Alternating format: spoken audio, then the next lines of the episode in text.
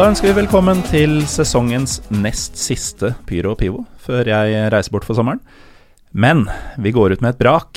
I denne nest siste så skal vi nemlig snakke om kanskje den morsomste landslagsturneringa for A-landslag som finnes. Afrikamesterskapet. Africa Cup of Nations 2019. Hvor det skal gå, og når det skal gå, det vet egentlig ingen, fordi eh, alt er tentativt i Afrika. Men vi skal i hvert fall prøve å, å eh, si litt om hvem som er med, hvor det går og når det går, og så får vi se hvordan det faktisk blir. Vi har fått med oss kremen av Afrikamesterskap-menn i studio for denne formidable oppgaven. Vi har deg, Petter Bø Tosterud. Velkommen. Jo, takk, takk. Du har jo kommentert så mange Afrikamesterskap opp igjennom at uh, jeg skulle nesten jeg trodde du skulle være mørkere i huden. Eh, ja, det, det, det, skulle man nesten tro, men jeg har vel stort sett Eller ikke stort sett, jeg har alltid sittet i Norge, da. Så um, blitt lite sol da, men det uh, har vært noen uh, fantastiske timer i boksen med et ekstremt underholdende mesterskap stort sett hver gang det arrangeres. Det er, uh, det er stort sett veldig gøy, og i år er det jo større enn noensinne. Med fryktelig mange lag som, som kan bli ufrivillig komiske å, å se på, kanskje. Um, Stig Torbjørnsen, talentspeider, og mannen som har 100 Afrikaturer på samvittigheten. Velkommen til deg òg. Takk, takk. Det stemmer godt med rundt 100. Pluss minus 2-3, så er du innafor, ja. Så man, man kan i fullt alvor si at du har vært 100 ganger i Afrika? Det kan vi si. Det, kan vi. det, det er jo helt utrolig fett. Altså, du må jo være enerådende på det, tror du ikke? Ja, det var jo litt eh, på å si, skal si, litt mer morsomt før. Altså Enerådene, da kunne jeg reise til Elfenbenskysten, og folk visste ikke egentlig hvor Elfenbenskysten var når jeg kom hjem igjen. Nå er verden blitt så mye mindre at nå kan jeg jo reise til Abidjan i Elfenbenskysten og møte en fra Stabekk som har et akademi, eller en speider fra Hammarby som er på jakt. Mm. Og det var ganske vilt. Eh, eller utviklinga har veldig, veldig gått veldig, veldig fort for da. Og folk i, i Skandinavia har eh, hoppa på Afrika, på å si, basillen. Mm. Og, og, det har vært ganske mange afrikanere i da, Norge, Sverige, Danmark, Skandinavia generelt. Og mange har blitt solgt med stor profitt. Og det trigger jo at folk uh, blir gira på det. Og derfor så det, er det mye mer Mye flere skandinaviske på si, klubber da, på spillerjakt i Afrika nå enn det var når jeg begynte å reise for første gang i 2001. Det var min første tur. Det er da snart 20 år tilbake. Så er 100 turer på 18 år. Ja, det er, og det er riktig. Jeg har en, brukt opp en tre-fire pass i tillegg. fordi det ikke har gått ut på dato, men du må ha visum til hvert eneste land når du drar til Afrika, så da går sidene ganske raskt unna. Så det har gått med en tre-fire pass også. Dere har jo kommentert uh, sammen, har jeg skjønt. Eller husker jeg. Mm. Um, det må ha vært uh, rimelig betryggende, Petter, å ha mannen med så, så, god los på det afrikanske kontinent ved din side? Ja, det har vært uh, veldig trygt og fint, uh, det. Stig kommenterte vel også noen, noen Afrikamesterskap på Eurosport uh, før min tid der også, i hvert fall vært innom, så vidt jeg vet. Så den kompetansen har vært gull verdt, for å si det sånn. For dette er jo ingen tvil om at det er et mesterskap som er veldig annerledes enn veldig mange Eller egentlig alle andre mesterskap. Uh, det skjer jo så mye rart i mesterskapene. Det skjer så mye rart i forkant av uh, mesterskapene. Um, så det er et, uh, et helt unikt sirkus da, som skal settes i gang nok en gang nå, men denne gangen nå på sommeren. Og det var jo veldig artig si, tilbake til litt før, da. Fordi da var det mye mer Det var ikke så lett å få informasjon. Altså Internett hadde kommet, men det kom i det momentet jeg var i husker. Jeg husker jeg satt på en, en PC i, i, Abidjan som tok et kvarter før å komme inn på en, på en side. Men da var det veldig vanskelig å få tak på lagoppstillinger. Hvilke land var gode, hvilke spillere var interessante. Man hadde hørt om noen som var i, i Europa. Så da var det litt mer morsomt å være ekspert, da, for da kunne man komme med informasjon som ikke alle andre visste. I dag er egentlig alt uh, tilgjengelig for alle og enhver, så alle kan jo sitte nesten på rommet sitt og finne ut hvem som spiller hvor, hvor de har vært, eh, posisjon, antall landskamper, alt det der sånn. Så i dag er, det jo, si, er det mange som kan være såkalte eksperter, da, for det, du finner jo all informasjon på nettet. Mm. Det gjorde man ikke før. og det var jo veldig morsomt for meg den gangen, husker jeg, med Elfenbenskysten. Jeg, jeg, jeg har vært der 25 ganger. Og da de hadde et panserlag hvor de var med også to VM-sluttspill, i 2006 og i 2010 med Drogba som den store helten, med brødrene Kohl og Aya Toré. Så liksom da, da, var de veldig gode i tillegg. Fryktelig lag. Mm. Veldig godt lag, samtidig som jeg satt på ganske god informasjon, for jeg hadde vært der da Jeg var der fem ganger i året. Så det var litt kult å være da ekspert, for da kunne man eh, faktisk uh, kunne noe som ikke alle andre hadde bare googla opp. Mm. Um, Petter, du nevnte at uh, Afrikamesterskapet er um, annerledes mm. og, og, spesielt. Hva, hva, er det som er annerledes ved det? Eller hvor begynner man? Ja, Det er egentlig det jeg sitter og lurer litt på nå. Hvor begynner man? Um, det, det, handler jo det, det, er jo veldig mye politikk involvert der, som alltid. Fotball er den sporten med mest penger. Eh, I Afrika så er det mange land som har mye fattigdom i seg, mye korrupsjon. Eh, det er ofte mye bråk rundt hvem som skal få arrangere mesterskapene. Eh, det sikreste tegnet på at du ikke skal arrangere Afrikamesterskapet, er at du får tildelt det. det, det er det faktisk. For det blir alltid bytta om fra den som får det. Og det har vi sett et nytt eksempel på inn mot årets Eh, og årets mesterskap ja, også. For det skulle gå i Kamerun. Ja. Uh, det gjør det ikke. Hva skjedde, Petter? Det gledet seg jo fælt, da. For første gang siden 1972 skulle det gå i Kamerun. Uh, Kamerun som vant det forrige mesterskapet, men altså, som alltid, altså syv måneder før, um, før første spark på ballen i mesterskapet, så skjønte man at oi, infrastrukturen i landet, den er ikke god nok. Um, Boko Haram og en del andre grupper man helst ikke vil at skal, hva skal jeg si, spre sin aktivitet under et så stort mesterskap, er altfor aktive. Det er for farlig i, i området, mente um, myndigheter og, og KAF. Slik at um, man fikk jo den følelsen av at uh, man, skal det skje igjen, det som skjedde i Togo, i, eller med Togo i 2010, da de ble angrepet to dager før uh, med sin spillebuss.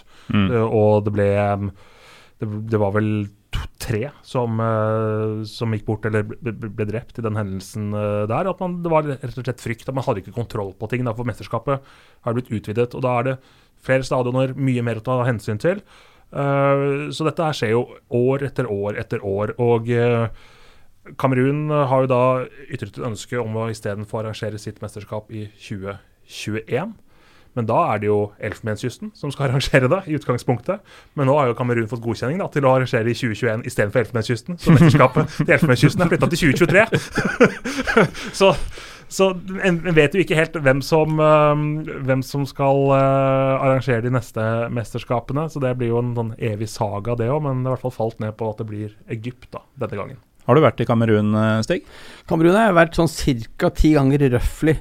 Min beste spiller som jeg nesten fant eh, noen gang, er Zoomen Choi, som spilte i Stabæk. Han, eh, han på å si så jeg fant det i Kamerun. Så jeg var der sånn røftlig, jeg har vært en ti-tolv ganger, tenker jeg. Og med Zoomen Choi som min største scoop, så var det kult å være i Kamerun. Og Kamerun har jo også vært i sånn litt sånn gammelt land som har vært med i noe VM og hatt mye gode spillere. Så det, var sånn, det er noen land som skiller seg litt ut. da, Og Kamerun mm. er et land som skiller seg litt ut sånn positivt. da, For de har hatt mye gode spillere i, uh, i Europa også. Så Kamerun, Men jeg er helt enig. altså Kamerun de kan ikke arrangere noe. Altså, det er veldig mange land i Afrika som ikke kan det i det hele tatt. Men jeg har vært der så ganger, og det, ingenting fungerer i det hele tatt. Så bare det å liksom tenke tanken at dette skal vi fikse, bare allerede der, som du sa, altså når du får tildelt det, så kan du tenke at der blir det ikke. Mm. Og, og, det bør heller ikke gå der. Så, så i min verden, altså, så det, altså, det er egentlig bare Sør-Afrika uh, og de nordafrikanske landene som kan arrangere det. Som har muligheter, ressurser, og som er sånn noenlunde for litt sivilisert. Og har stadioner til det. Så, så, der fungerer det. Men hvis mm. uh, jeg har vært i Niger da, to ganger på mesterskap, og de hadde et U20-mesterskap nå, kvalik til VM. Altså, de har én stadion, og den er uh, stor som et vondt år, og det er 50 grader hver dag året rundt. og det er ingenting Altså, bare sånn kjøpe en billett jeg har masse bilder, da, for jeg har tatt masse bilder både nå og før. Det er litt kult å vise folk det. Det får vi ikke sett akkurat her. Men folk er sånn rysta over ja, men liksom, ja, det er ikke stadion. Jo, der spilte de landskamp. Mm. Så det er jeg sier veldig, Det er jo lett for meg å si det, men det er veldig mange som mener mye om Afrika, som egentlig ikke har noe særlig belegg for å kunne mene det. Du bør nesten ha vært der for å se mm. det, for å liksom Oi, er det så ille? Vil alle tenke. Ja. Men uh, hvor, uh, hvor, synd er det? At, uh, at, du ikke kan spre mesterskap over Altså at ikke Namibia kan ha det, at ikke Kamerun kan ha det, at ikke flere land kan arrangere. Hvor ødeleggende er det for, for utviklinga i Afrika? Nei, det vet jeg vel egentlig ikke så mye om. Jeg tror ikke det er så ødeleggende, egentlig. Jeg tror Altså, Afrika er et kontinent med 54 ulike land. Vi her hjemme tror at Afrika er et land, men det er et ja. kontinent med fire, fire, 54 ulike land. Og, og, verden er jo sånn satt sammen at det er da verdens fattigste kontinent. Og mange av de landene de har ikke sjans til å, til å kunne arrangere sånne type ting. Og det tror jeg egentlig mange av de innbyggerne er innforstått med. At vi, vi, mm. vi, har kun det vi står og går i, og mer enn det har vi ikke. Vi har knapt nok mat. Og noen land får mat fra helikopter som slipper det noen sekker. Og så ille er det faktisk. Så jeg tror ikke det er noe sånn veldig skadende at de minste landene i Afrika ikke får arrangert et mesterskap. Jeg tror ikke det gjør så veldig mye, egentlig. Man ser jo ofte at afrikanerne de, de når Drogba er helten, eller Samuel Eto, så er det, jo, det er jo Afrika som legger seg bak det. Det er ikke bare kamerunere mm. som digger når Eto er god. Det er jo hele Afrika. Mm. Altså, om jeg er i ulike land, så ser jeg jo plakater av Elfenbenskysten. Når de var i VM, så var det Afrikas helter. Så, så det, det, er ikke bare sånn at Elfenbenskysten digger han, Kamerun digger han. Altså, afrikanerne elsker når de har store stjerner i, i Europa. Men hvordan er det da med rivalerier? Altså nabofeider og sånn? For det, det, har jo Det er et kontinent som det er mye konflikt uh, i. Um, når du sier at de kan samle seg bak uh, ett land fordi de representerer Afrika på den måten, hva um, F.eks. vi har jo nabo, nabolagsduellen i gruppe C, Kenya-Tanzania. Jeg vet ikke hvordan eh, forholdet er mellom de to landene, men um, er det sånn jeg opplever ikke noe sånt. Altså Igjen, fotballen lever sitt eget liv i denne gale verden vi lever i. Og det tror jeg også er like mye i Afrika. At det er rivaliserende land, ja, men de har vi i andre Altså Om det går til Sør-Amerika eller til Europa, så tror jeg ikke det er noe verre i Afrika. Så, så, om Kenya spiller mot Tanzania gjelder Marokko og Egypt, da. Uh, det er kanskje enda verre. Mm. Det er et hat, det der da, som fotballrivalisering. Men det blir jo ikke krig for det. Og jeg tror ikke det er noe verre der enn de andre kontinenter, faktisk. Mm. Uh, Petter, vi, um, vi har snakka litt om at uh, mesterskapet har blitt uh, flytta uh, fra Kamerun til ja, Egypt. Det kunne vi kanskje nevnt tidligere. Uh, men det er jo ikke bare stedet som har blitt endra fra tidligere, tidligere årganger. Nå skal det gå på sommeren for første gang. Ja, det har jo stort sett vært uh, januar og februar da, som uh, vi i Norge har kunnet kose oss uh, med, eller hele verden for så vidt. Da. Men det har vært spesielt sånn koselig for, for, min del å sitte inne på vinteren, se på dette her i Norge. Kamptiden har ofte vært klokka fire, klokka seks eller klokka åtte, så det har vært sånn perfekt på en tirsdag. Du har fiskepudding til middag, men så får du Togo Zambia, liksom. så Som utgangspunktet kan høres ut som en kjedelig kamp, men så er det bare fyrverkeri. Du, du får det uventede hver gang, da. Så, så det er det på en måte som har vært med å etablere en sånn slags sånn stemning hjemme hos meg, da, med at uh, sitter på vinteren er noe sånn, litt annerledes du får servert sånn plutselig. Uh, som har gjort at mitt forhold til mesterskapet har alltid vært uh, veldig sterkt. nå flyttes det altså til sommeren. det er jeg mer, sånn, mer, skeptisk til. Jeg skjønner argumentasjonen bak det. det er veldig vanskelig hvert eneste år, selvfølgelig, for klubber i Premier League når de ser at uh, Sadio Mané og Mohammed Salah stikker fra ligaen i fem-seks kamper, for de skal spille et mesterskap som Liverpool og Premier League gir blanke i. Um, så det skjønner jeg at penga styrer. Uh, og så har det vært um, diskusjoner også rundt dette med klima.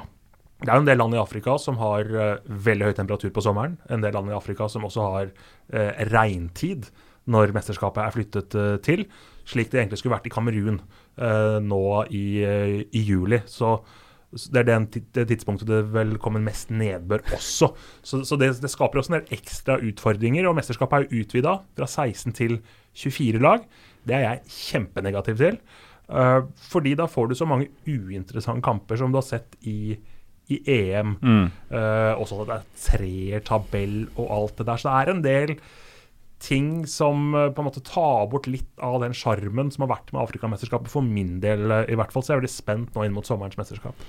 Ja, jeg må bare skyte inn der at, det, det her, at flyttinga er jeg helt sikker på det, Alt har jo med penger i nesten hele verden, også i fotballverdenen. Mm. Men eh, hvis vi spoler, spoler, tiden ganske langt tilbake, altså 10-15 år, så var det ikke så veldig mange afrikanere i Premier League.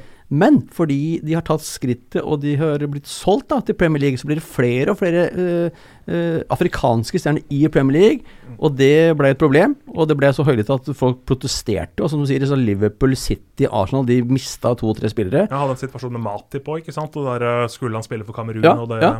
Og, og da, så, så, nå har det liksom da blitt pressa og blitt flytta opp til Så nå plager ingen Nå spiller hun og alle har ferie. Mm. Men de plager seg sjæl, da. Fordi at uh, mesterskapet er blitt flyttet på sånn rent datomessig også, ja. Eh, sammenlignet med hva det var oppsatt til. Det er ikke noen planleggere på det kontinentet. For. Nei, for da glemte de å slekke på en måte alle de røde dagene i kalenderen. For det viste seg at de satte jo opp uh, mesterskapet i konflikt med ramadan. Og det er jo en del muslimer, uh, også i Afrika, som gjorde at de ville ikke ha et mesterskap helt på tomgang. Så det dukker stadig opp utfordringer de klarer å sette seg selv i. da. Så det er altså bytta land, de har bytta tid, eh, altså både årstid og eh, hvilke dager det skulle gå mm. den årstiden. Og denne ganske store utvidelsen, da. Og Stig, det er mye forandringer på en gang, men du har jo en smørbrødliste med land som du ikke helt skjønner hva har i et mesterskap å gjøre. Ja, nei, Det er vel ikke noe bare jeg har. Dette har jo de, nesten fotballmannen i gata skjønner at dette her ikke kan gå bra. Og alle har jo hørt om uh, Senegal og Marokko og Elfenbenskysten og Ghana og de kjente landa. Men uh, Uganda, Burundi, Tanzania, Zimbabwe, Madagaskar, Namibia, Mauritania og Guinea-Bissau de kommer ikke til å prege det mesterskapet der. Og som Petter sier, det blir nok en del ganske kjedelige kamper. Altså. Det, det, jeg, altså det er jeg helt sikker på. Det blir altfor mange kamper. Man får jo 36 kamper da, uh, som skal brukes til å redusere 24 lag til 16. Mm. Altså i gruppespillet. Ja. Og, og, da, og da, det, for, det, blir for trått for min del, da. Uh, du kan få slik at storlagene sliter i første kamp, men så kommer man seg videre likevel gjennom treertabellen. Og så, så starter på en måte egentlig mesterskapet i åttendelsfinalen, og det syns jeg er litt synd. Mm. Det har jo vært uh, et voldsomt drama også i gruppespillene, sånn rent historisk sett, når du kun har 16 lag uh, med, for da kan du plutselig få noen kanoner i samme gruppe og alt det der. Og da har det skjedd mange ganger at flere av de store nasjonene har røket ut tidlig. for det har jo også kommet overraskelser i mange mesterskap, som Burkina Faso, Zambia har også overrasket i, i, i mange år. så, så jeg syns dette er synd, og jeg tror også at det er færre Eh, i hvert fall i Europa, som kommer til å følge Afrikamesterskapet i like stor grad i år, med at det går på sommeren, mm. sammenlignet med hvordan det var på, på vinterstid, da dette var en koselig greie for oss. Selvfølgelig, Det handler ikke om at vi i Europa skal ha det best mulig og vi skal sitte og kose oss uh, med det, så jeg, jeg skjønner en del, av argumentene, men det gjør det også veldig mye vanskeligere med utvidelsen til 24 lag, med, med tanke på det å få arrangert mesterskapet skikkelig. For da er du avhengig av seks stadioner med, med 16-lagsmodellen, er du avhengig av fire stadioner. Og hvor mange nasjoner da, i Afrika som Stig har vært inne på, er kapable til å gjennomføre en så stor turnering, når de ikke klarer det med 16 engang, de fleste. Så det, det er litt, litt, mange spørsmål som henger igjen etter en slik utvidelse. Stig, hvordan er du eh, Petter har jo vært litt inne på at eh, det er pengene, og da spesielt europeiske toppklubbspenger eh, og deres mas, som har ført til denne flyttinga fra vinteren til sommeren. Lar du deg provosere av at håper å si, det er den, den, hvite mannen her oppe som skal diktere dette? Jeg er liksom todelt, for jeg, du kan jo slakte afrikanere på alt og sier ofte at det fungerer ingenting og ikke er i orden og bla, bla, bla. Men så ofte så, så bytter jeg hatt, og så forsvarer afrikanerne veldig, veldig ofte, da. Fordi jeg har vært der såpass mange ganger, og jeg syns det er veldig mange fra Europa, da, og da for min del litt for Norge, som liksom snakker veldig nedsettende om masse afrikanere. Og som jeg sa i stad, de, de, snakker om afrikanere som én afrikaner. Og jeg var inne på det, det, det, det, er faktisk 54 ulike land. Mm. Det blir som å sammenligne en islending med en italiener, og det, det er liksom ikke mm. rettferdig. Og der har vi vært mye, vært mye urettferdighet der. Men øh, Nei, jeg jeg vet egentlig ikke hva jeg skal, hva jeg skal svare. Det provoserer meg ikke, men uh, jeg, er så todelt der. Jeg kan forsvare afrikanere på den ene sida, så i setning nummer to så kan jeg kappe huet av dem fordi de ikke gjør som vi gjør. Eller de, alt er vanskelig, kronglete, ingenting fungerer. Man blir lei av det. Jeg har reist der mye. Det er jo Man liksom viser passet ni ganger for å komme ut av et land. Så det, du går igjennom en kontroll for å gå i en ny kontroll. Altså, det er så mye som er rot, da. Men så forsvarer de, for jeg syns jo litt synd på det. De, de har dårlige ressurser, og fotballen er ofte deres eneste utvei til et uh, liv, da. Og hvis det er én fotballspiller som kommer til, kommer til Europa, så liksom kan han forsørge ikke bare familien, men liksom en hel landsby med, med de pengene han tjener her, da. Ja, og, og forskjellene der eh, må man virkelig ikke undervurdere. Fordi altså én ting er sånn Yaya Kolo Touré som tjener idiotpenger, eller tjente idiotpenger, men selv eh, altså i eh, hjemlandsbyen til Anthony Uja, som spilte for Lillestrøm, eh, og dette er før han dro til Kina og faktisk ble rik på fotballen. Der har jo livskvaliteten for venner og, og, familie og venner av familien til Anthony Uja, bare på den lønna han hadde i Lillestrøm, bedra seg jo betraktelig. Uh, bare det at han kunne sende hjem noen tusenlapper i måneden, det endra jo alt for, for dem. En av mine første spillere som jeg var med på å ta til, til Norge, da, Raoul Kouakou. Røde-Raoul. Røde-Raoul mm. i Sogndal. Han fikk tre røde kort på en halv sesong. Men Stopp. altså, han på en Sogndal-lønn, da Jeg mm. mener husker at det var sånn typ 35 000-40 000 i måneden. Så klarte han å sende hjem, sende hjem si 3000, da. Mm. Og det var liksom nok til medisiner til tid der, og dem fikk litt mat. Og så mm. Bare de små vekslepengene der, de gjorde at faktisk mange rundt hans øh, omkretsen hans had, fikk et, øh, en mye bedre, et bedre liv, da. Mm. Og det var den gang da, og pengene nå er mye, mye mer. Og som du sier, altså, de største stjernene tjener jo idiotpenger, men selv bare en, en, norsk eller svensk lønn eh, hjelper betraktelig på, mm. på, en, på, en, på, ja, på en storfamilie der nede. Da. Og du jobber jo uh, i hvert fall deltid uh, for uh, IFK Norrköping nå, gjør du ikke? Der, der, har du jo noen historier om, om disse forskjellene. Ja, det er egentlig bare én. Vi har, vi har si, jeg har funnet en uh, veldig god spiller, en gransk spiller. Abdul Rashak Ishak. Navnet er kanskje ikke så viktig for folk som skal høre det her, men han er ekstremt god. Vært hos oss. Han er ikke 18 år ennå, så han går litt opp og ned. Du kan reise helt lovlig til Skandinavia på turistvisum. Så han er her hos oss tre og tre måneder i slengen. Jeg tok ned Jeg har vært i Nigeria også veldig mange ganger, men jeg tok dit ned nå i, i vinter og besøkte familien hans. Og da, da, begynte jeg faktisk å gråte, og det har jeg faktisk ikke gjort med sånne sammenheng før. Men da fikk jeg se hvordan han hadde det. Og som jeg sa, jeg har vært i Afrika 100 ganger, så det er ikke noe nytt for meg å se fattigdom. Men de bodde altså i en, en, eh, et rom som var 15 kvadrat. Det var ikke vinduer der. De hadde ikke rennende vann, de hadde ikke toalett, og de hadde ikke mat. Mm. Og der bodde han gutten. Og så når han er hjemme i tre måneder, så bor han der. De sover på, på rundgang. Og Hvis du er heldig, så får du noe mat, noe ris eller et eller annet i løpet av dagen. Det er ikke snakk om å ta en dusj, det er ikke snakk om å få vann, og det er ikke snakk om å gå på toalett engang. Og så bare tenke hvor gal verden er når han kommer til oss, spiser på stadion så mye han vil, han bor i en vertsfamilie, har et hus, har en egen etasje, har egen TV. Så da blir man i sånn var litt inne på det, provosert over, over, store forskjeller, da. Men det, det, var ganske rørende å se når du er så tett på det, da. Mm. Og jeg ga vel faren et par hundre kroner. Liksom, det var liksom Han hadde jo ikke noe penger i det hele tatt. Men bare det at du bare kunne få lov til å nesten bidra med noen hundrelapper jeg hadde i lomma, og du så at han liksom bare uh, tok rundt meg og nesten altså begynte å gråte fordi at det var så enormt for han at mm. han var så glad, da på sine sønns vegne at han har muligheten til å komme til Europa og kunne eh, bli en fotballspiller og tjene penger. Altså, det var sånn helt uvirkelig for meg å, å, kunne oppleve det så nært. Som jeg sa i stad, jeg har vært i Afrika 100 ganger og sett masse fattigdom, men det der der, det gjorde faktisk veldig inntrykk. En så god spiller kom fra så dårlige kår. Null skolering, ikke skolegang, ingenting. Mm. Men fotball det kan han. Det, mm. altså, det veit vi alle. I hvert fall vi som kjenner han, da. Så det, sånn, det kan bli en sånn kjempeglad historie. Nå er det jo vært veldig mange talenter som ikke blir så gode etter hvert. Vi får bare krysse fingrene for at han tar skrittet, at han er, går til oss. Det er jeg ganske sikker på. Men når man da kommer seg videre i fotballverdenen utover Europa og tjener litt mer penger enn en svensk lønn, det får jeg faktisk håpe. Så, og Historien er sånn er endeløse, men den der der sitter veldig tett på meg. Og det var nå mm. i vinter. Og jeg sa i stad, første gang jeg var der, var i 2001. Og først nå, 20 år etterpå, så kom det en historie som jeg faktisk gråt av. Fordi det var så sterkt, det jeg egentlig opplevde. Men denne er det du som har funnet? Han spilleren her ble oppdaget av meg på en turnering i Nigeria for to og et halvt år tilbake. Og Jeg syns jeg kunne se noe med han, og det er lett å si det i dag, men han har vært hos oss nå tre ganger på turistvisum, og viser seg å være ja, det kan jo være et skup, men det er litt for tidlig å si, da. Mm. Men vi i Norrköping er veldig sikre på at han er god nok.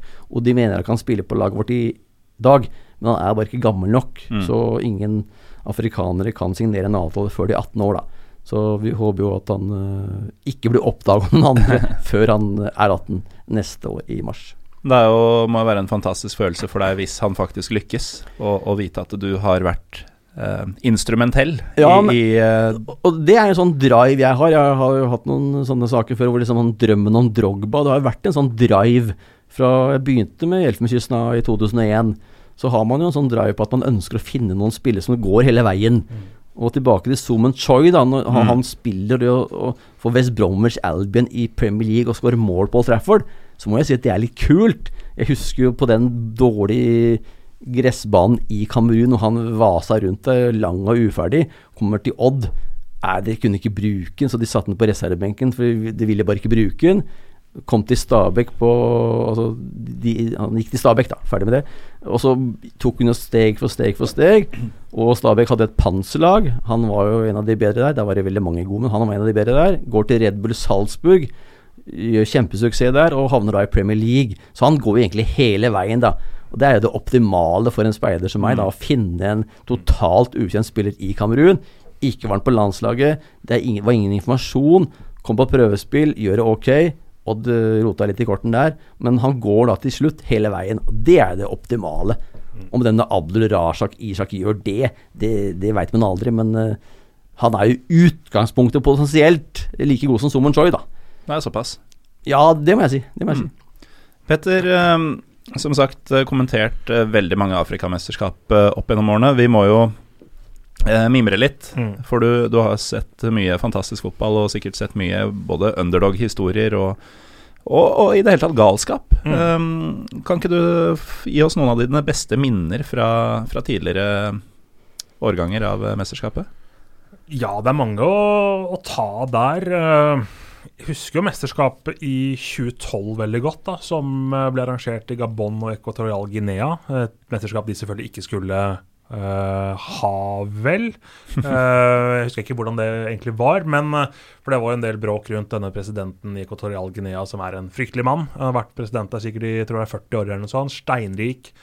store deler av landet er fattig, og han sitter der og mesker seg med både det ene og det andre. Så det er et spesielt land. Men der hadde vi denne eventyrhistorien med, med Zambia, da, som etter hvert ble så spesiell med at de um, til slutt uh, vant mesterskapet på, på straffer uh, mot Elfenbenskysten med Hervé Renard, som er denne ja, karismatiske treneren da, som uh, mange helt sikkert har sett. da, Ser ut som en mm. supermodell mm. i denne skjorta si som omtales som lykkeskjorta, som han har på når de vinner. Jeg har sett han tape den skjorta òg, når det er sagt.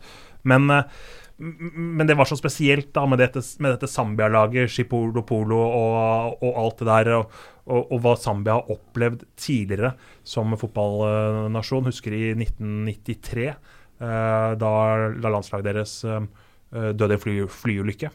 Og dette her var jo rett ved der det skjedde mm. også. Som gjorde at det var så mye symbolikk og så mye historie rundt, rundt det hele. Og det er jo også denne underdoggen da, som klarte å bryte en barriere etter at Egypt, Egypt, Egypt hadde vunnet de siste tre mesterskapene før det. Så det husker jeg var liksom et veldig sånn spesielt uh, øyeblikk. Men det var jo uh, selvfølgelig kaos og styr i det mesterskapet der, med heksedoktorer og alt det der som, uh, som man alltid har med i mesterskapene. Men det er liksom normalen, da. Uh, så det er mange, mange ting man kan, man, man, kan trekke fram.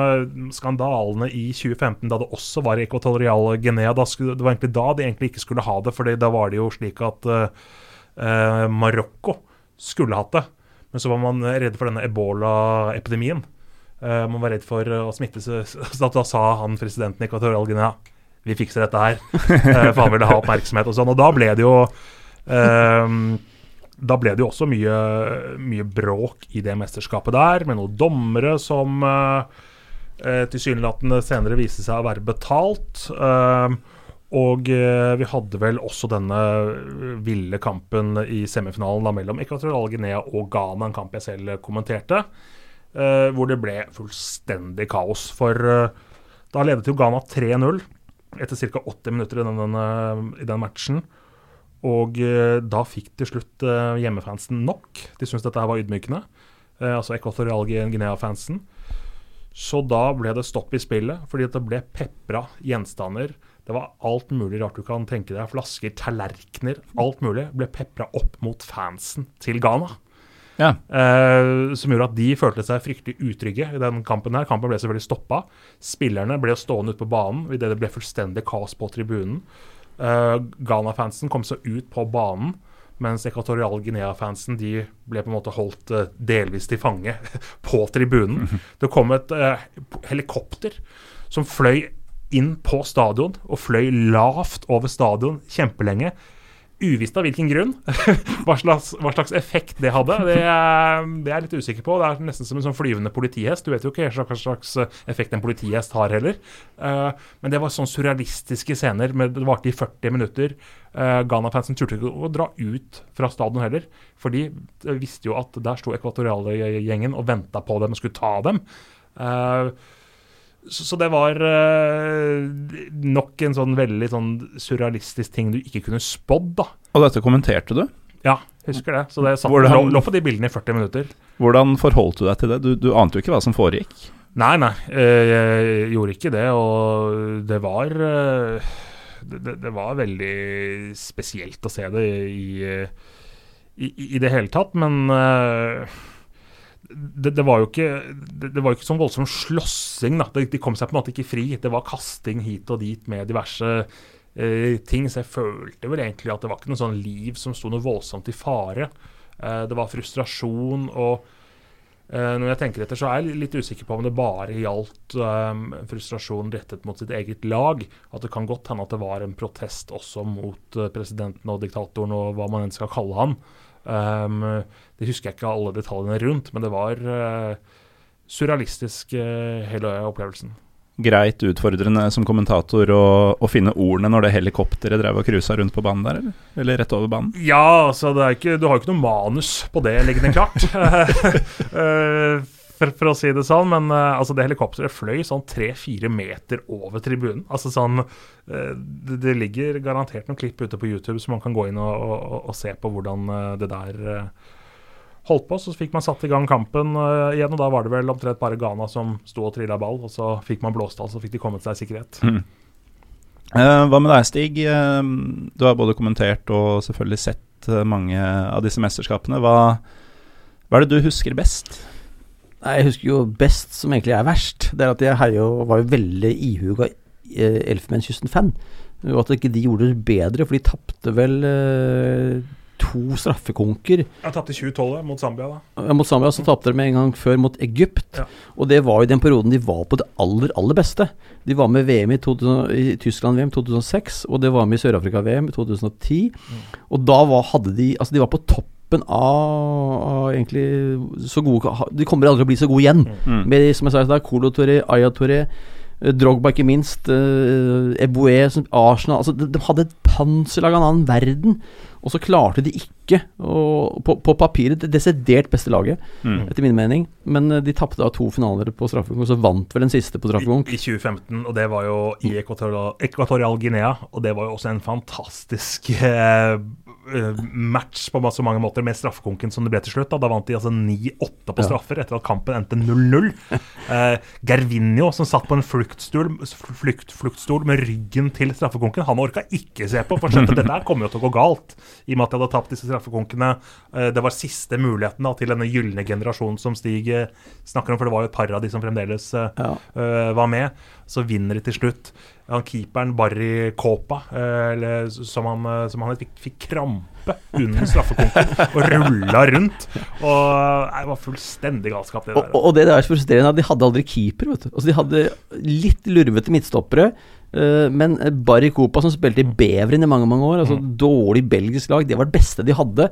Og så hadde de et par til som spilte på dårlig nivå i Frankrike, så de mm. hadde aldri noen keeper. Mm. Og det ødela jo for de i, i VM og i Afrikamesterskapet, da. Så da var jeg veldig sånn, jeg hadde veldig skylapper og tenkte kun Elfenbenskysten. Var der veldig ofte.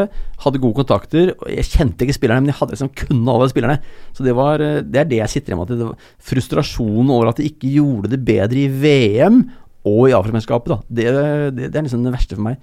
Nå, VM 2006 de hadde vel havna i gruppe med Serbia, Holland, Argentina. Ja. Altså, og folk mente jo fullt alvor at de kunne gå videre. Ja, de hadde et, Så bra lag hadde de. magisk lag. Uh, så de, de var ekstremt gode da, men de, de, de fikk aldri noe særlig tellende resultater ut av det. Alle spillerne spilte jo i toppklubber i, i Europa. Uh, så spiller for spiller Panserlag hadde dårlig lurvete midtstoppere. Koloteri var den beste, og så bytta de på makkeren. Uh, og så hadde de en dårlig keeper. Det, det fikk de aldri en sving på, dessverre. Så sitter de med litt sånn frustrasjon over at eh, det, det kunne vært så mye, mye bedre. Og de hadde nesten alltid det beste laget på papiret, men de snubla hver gang når det gjaldt. Hva er egentlig greia med uh, afrikanske keepere? Det føles som det er veldig enten-eller. uh, der du har sånn Kamerun har jo hatt eh, Kameni og Jacques Songo f.eks., som har vært eh, av høy internasjonal klasse. Vincent Enyema på Nigeria. Emil Baron, ikke minst.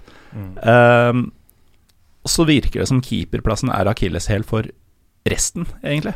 Det har jeg, spørsmålet har jeg stilt meg selv veldig mange ganger. Og jeg har vært eh, der, som dere vet nå, mange ganger. Og jeg klarer å ikke forstå det. For de har altså alt. De har fysikk, de har spenst, de har høyde. De har absolutt alt en målmann skal ha. Men det bommes på timing i feltet, gleppe ballen eh, altså, Men, men i, i, rett teoretisk sett så skulle det være mye bedre. Hva heter han i Ajax nå? Onana? Ja. Han er jo kameruner. Og han er jo ekstremt god nå, syns jeg. Men den, eh, den figuren, da, den fysiske figuren han har, den, den, den finner du på hvert gatehjørne i, i hvert fall Vest-Afrika. da. Mm. Og at det ikke er flere målmenn som er bedre enn det det er, det er for meg faktisk en gåte. De har nok en dårlig keepertrener og alt sånt. Alt det der skjønner jeg. Men mange av de tar jo veien til Europa og får den, den lærdommen som man skal ha. Og at ikke jeg, jeg har ikke noe svar på det i det hele tatt. Jeg er veldig frustrert over det. Og jeg kan ikke forstå at ikke det er flere gode afrikanske keepere. Altså, han, han het han uh, Turay. Eh, Uh, var i- Ja. Pad- altså, han var jo fra Gambia. Mm. Var vel 1,98 og kasta ballen som en tennisball motsatt i motsatt 16 meter. Mm. Altså, sånne figurer, og han Onana som er nå i, i Ajax, sånne er det mange av. Mm. Så det er bare sånn eh? Det er rot i logistikken. De får det ikke til. Skolering, keepertrenere, alt sånn. Ingenting av det fungerer, og da går det som det går. Dessverre. Mm. Det går nok også da litt på forbildene, da, som, eh, som ikke har vært der uh, fra de var små. I Tyskland er det jo kjempestas å være keeper uh, når, når du er tiåring. For det er egentlig den kuleste posisjonen, da, fordi at det er en keepernasjon. Og uten å være, litt, uten å være stygg, så kan det også være en årsak det at man ikke har nett. Tenk deg når du er tolv år og du får beskjed om å stå i mål. Enten når ballen går i mål eller utafor mål, så må du alltid, alltid hente ballen. ja. Ja, men Det kan nok være et poeng. Jeg vet ikke om det er hovedpoeng, men det kan nok være en liten faktor. For jeg har jo vært på også treninger i, og sett på klubblag da, i Kamerun og i Mm. Og som Peder sier, det er ikke nett der. Eh, og det har litt med at det er også en litt sånn myte, men afrikanere skyter så dårlig. Det er mange som skyter hardt og godt også, så det er nok en liten myte. Men sånn skuddetrening, keepertrening, det er på en grusbane, hiver seg ned på asfalten. altså, det, det, det, er helt andre vilkår, da, forutsetninger. Men rent uh, teoretisk og fysisk så er det jo De er størst, de er sterkest, de hopper høyest, de hopper lengst. Eh, de har fysikk uh, Så ja, det, det, det irriterer meg litt, og jeg forstår det ikke. Vi- har fått en herlig keepertype til norsk fotball denne sesongen, da, i Kongsvinger, i Obos-ligaen. Ali Hamada. Eh, han kommer fra Komo Komorene. Det er fint. Eh, og, han, eh, og han er jo litt samme type som Padembo Toray, som kan kaste helt vanvittig. Han kan en enorm rekkevidde og er rett og slett en morsom keeper å se på. Og så han er god. Han har over 100 kamper i den franske toppdivisjonen, spilte for Toulouse og kommet fra Tyrkia nå nylig etter et litt det var vel litt lønnsutbetalinger som uteble som vanlig. Ah, I eh, Tyrkia? eller noe sånt. Men eh, et skup uh, for, uh, for Kongsvinger. Uh, sikkert en spiller som ikke skal være der så veldig lenge, fordi Mm. det åpnet seg mulighet for dem. Men jeg håper at det kommer flere afrikanske gode keeperforbilder, for det, det hører jo med til hva skal jeg si, historien om eh, kjærlighetsforholdet til Afrikamesterskapet også, at det har vært morsomt med en del av disse dårlige keeperne, da. Eh, Men som Petter sier, det er litt med historikk her. da, altså Det er jo veldig Hvis man som agent, da, Mm. som jeg ikke er, bare for å legge vekt på det, uh, og kommer opp med forslag på keepere, så er det jo veldig få i Skandinavia som vil ta en afrikansk keeper. Ja. Fordi de har et dårlig rykte. Det er veldig få gode afrikanere, så det er veldig få da som får muligheten. Mm. Så det er, veldig, det er veldig få klubber som gidder å ta inn en prøvespiller da, Mm. som er keeper for Afrika. Mm. Av um, de fire-fem uh, positive keepernavna fra Afrika vi har nevnt, så er uh, tre av dem fra Kamerun. Mm. Um, er det noen grunn til det? Hmm. Hva het han? Thomas Nokono. Han spilte i Spania med 82. Han sto i langbukser, det var 72 varmegrader. Han har nok spilt en rolle, tror jeg, i forhold til det Peder sa, med forbilder. Mm. Der fikk man et forbilde veldig, veldig tidlig. Uh, og han var veldig, veldig god, og spilte i Spania uh, lenge, lenge. Og ble keepertrener i Español. Så kom Carlos Idris Kameni opp der. Og så var Nokono trener til Kameni. Så det kan ha noe med at han var tidlig ute som en god keeper, vise fram i VM, fikk en kjempekarriere i Spania. Og så var det, uten at jeg har noe fasit på det, så kan det være at det var mange fra Kamerun som faktisk ville bli keepere. Det kan være. Og Det er en lagt til rette for det også i eh, fotballnasjonen, fordi at det, oi, det funker å få fram en keeper også for oss. At det, at det kan ha vært flere effekter av det. Eh, Mm. Men det har vært mange andre morsomme keepere også som har vært gode. Jeg husker ikke hva han heter, faktisk min favorittkeeper i Afrikamesterskapet, som hadde denne spesielle feiringen hver gang laget han scora. Hoppa på gresset som en slags eh, gresshoppe. Eh, han har vært i de siste mesterskapene i 2013 og 20, nei, i 2013-2012, for det var jo mesterskapet i 2012 og 2013. Mm. For de hoppet jo over fra partall til oddetallsår for ikke å kollidere samme år som VM. Men SML Hadari er jo også en uh, legendekeeper som, um, som spilte for Egypt. Det er egentlig veldig synd at ikke han uh, er med nå i dette mesterskapet, i og med at det er i Egypt. Han ble jo i 2017 den eldste keeperen som har, som har spilt i dette mesterskapet. Da var han jo 44 år og 127 dager. Og var med i VM-troppen i fjor. Eh, ja, og, og, og det er jo en sånn en herlig si, Ikke figur, men en, her, en herlig foregangsmann i Egypt da, for uh, Mm. den personligheten han var. da Så jeg håper jo at det er noen som kan la seg inspirere av han også. Vi har nevnt Egypt et par ganger, og det, det er et par ting ved dem Eller de blir eksempel på noe som fascinerer meg veldig ved afrikansk landslagsfotball. Det er at det virker å være så stor forskjell på eh, VM-kvalifisering og si Afrikamesterskap-kvalifisering og ikke minst turneringene. da. Fordi et lag som Egypt har jo fryktelig mange titler. Mestvinnende. Ja, så de, de virker jo å være best uh, på, på kontinentet store deler av nyere historie, i hvert fall, og sikkert eldre også. Men klarer nesten aldri VM-kvaliken. Hvorfor er det så stor forskjell på, på prestasjonsnivået i de forskjellige turneringene? Det er jo lett, lettere å komme seg og kvalifisere seg til Afrikamesterskapet enn å kvalifisere seg til VM. Ja, Men det både kvaler og uh, vinner. Ja, ja, ja men altså, de, man har jo få plasser i VM Afrika i hele tatt som kontinent. kontinent. Uh, og når man spiller denne VM-kvaliken for å ta det, da, hvorfor en del av sånn som Egypt og sånn har mislyktes med å komme seg, ja, fem plasser, da. Mm. eh, komme seg dit, det handler jo mye om eh, at eh, når det er kvalikkamper, så er selvfølgelig ikke det like gjevt, kanskje. For de aller største stjernene bryter opp midt i en eh, sesong, drar hjem. og Da prioriterer man kanskje heller å ha hodet sitt på nettopp å besøke familien sin og litt andre sånne ting. Og så er det også veldig vanlig at det skjer en god del ting eh, på bortekamper, etter hva jeg i hvert fall har lest meg til. Jeg har ikke opplevd dette selv, men det er jo en del eh, historier som går på at man eh, får eh, ødelagt garderoben sin, du får endra aircondition-anlegget ditt i løpet av natta, at du har sovet i 20, 20 minus omtrent. Altså Det er masse sånne der, juksegreier da, som har skjedd i afrikansk landslagsfotball gjennom mange, mange år, som gjør at det er litt mer uh, juks og fanteri.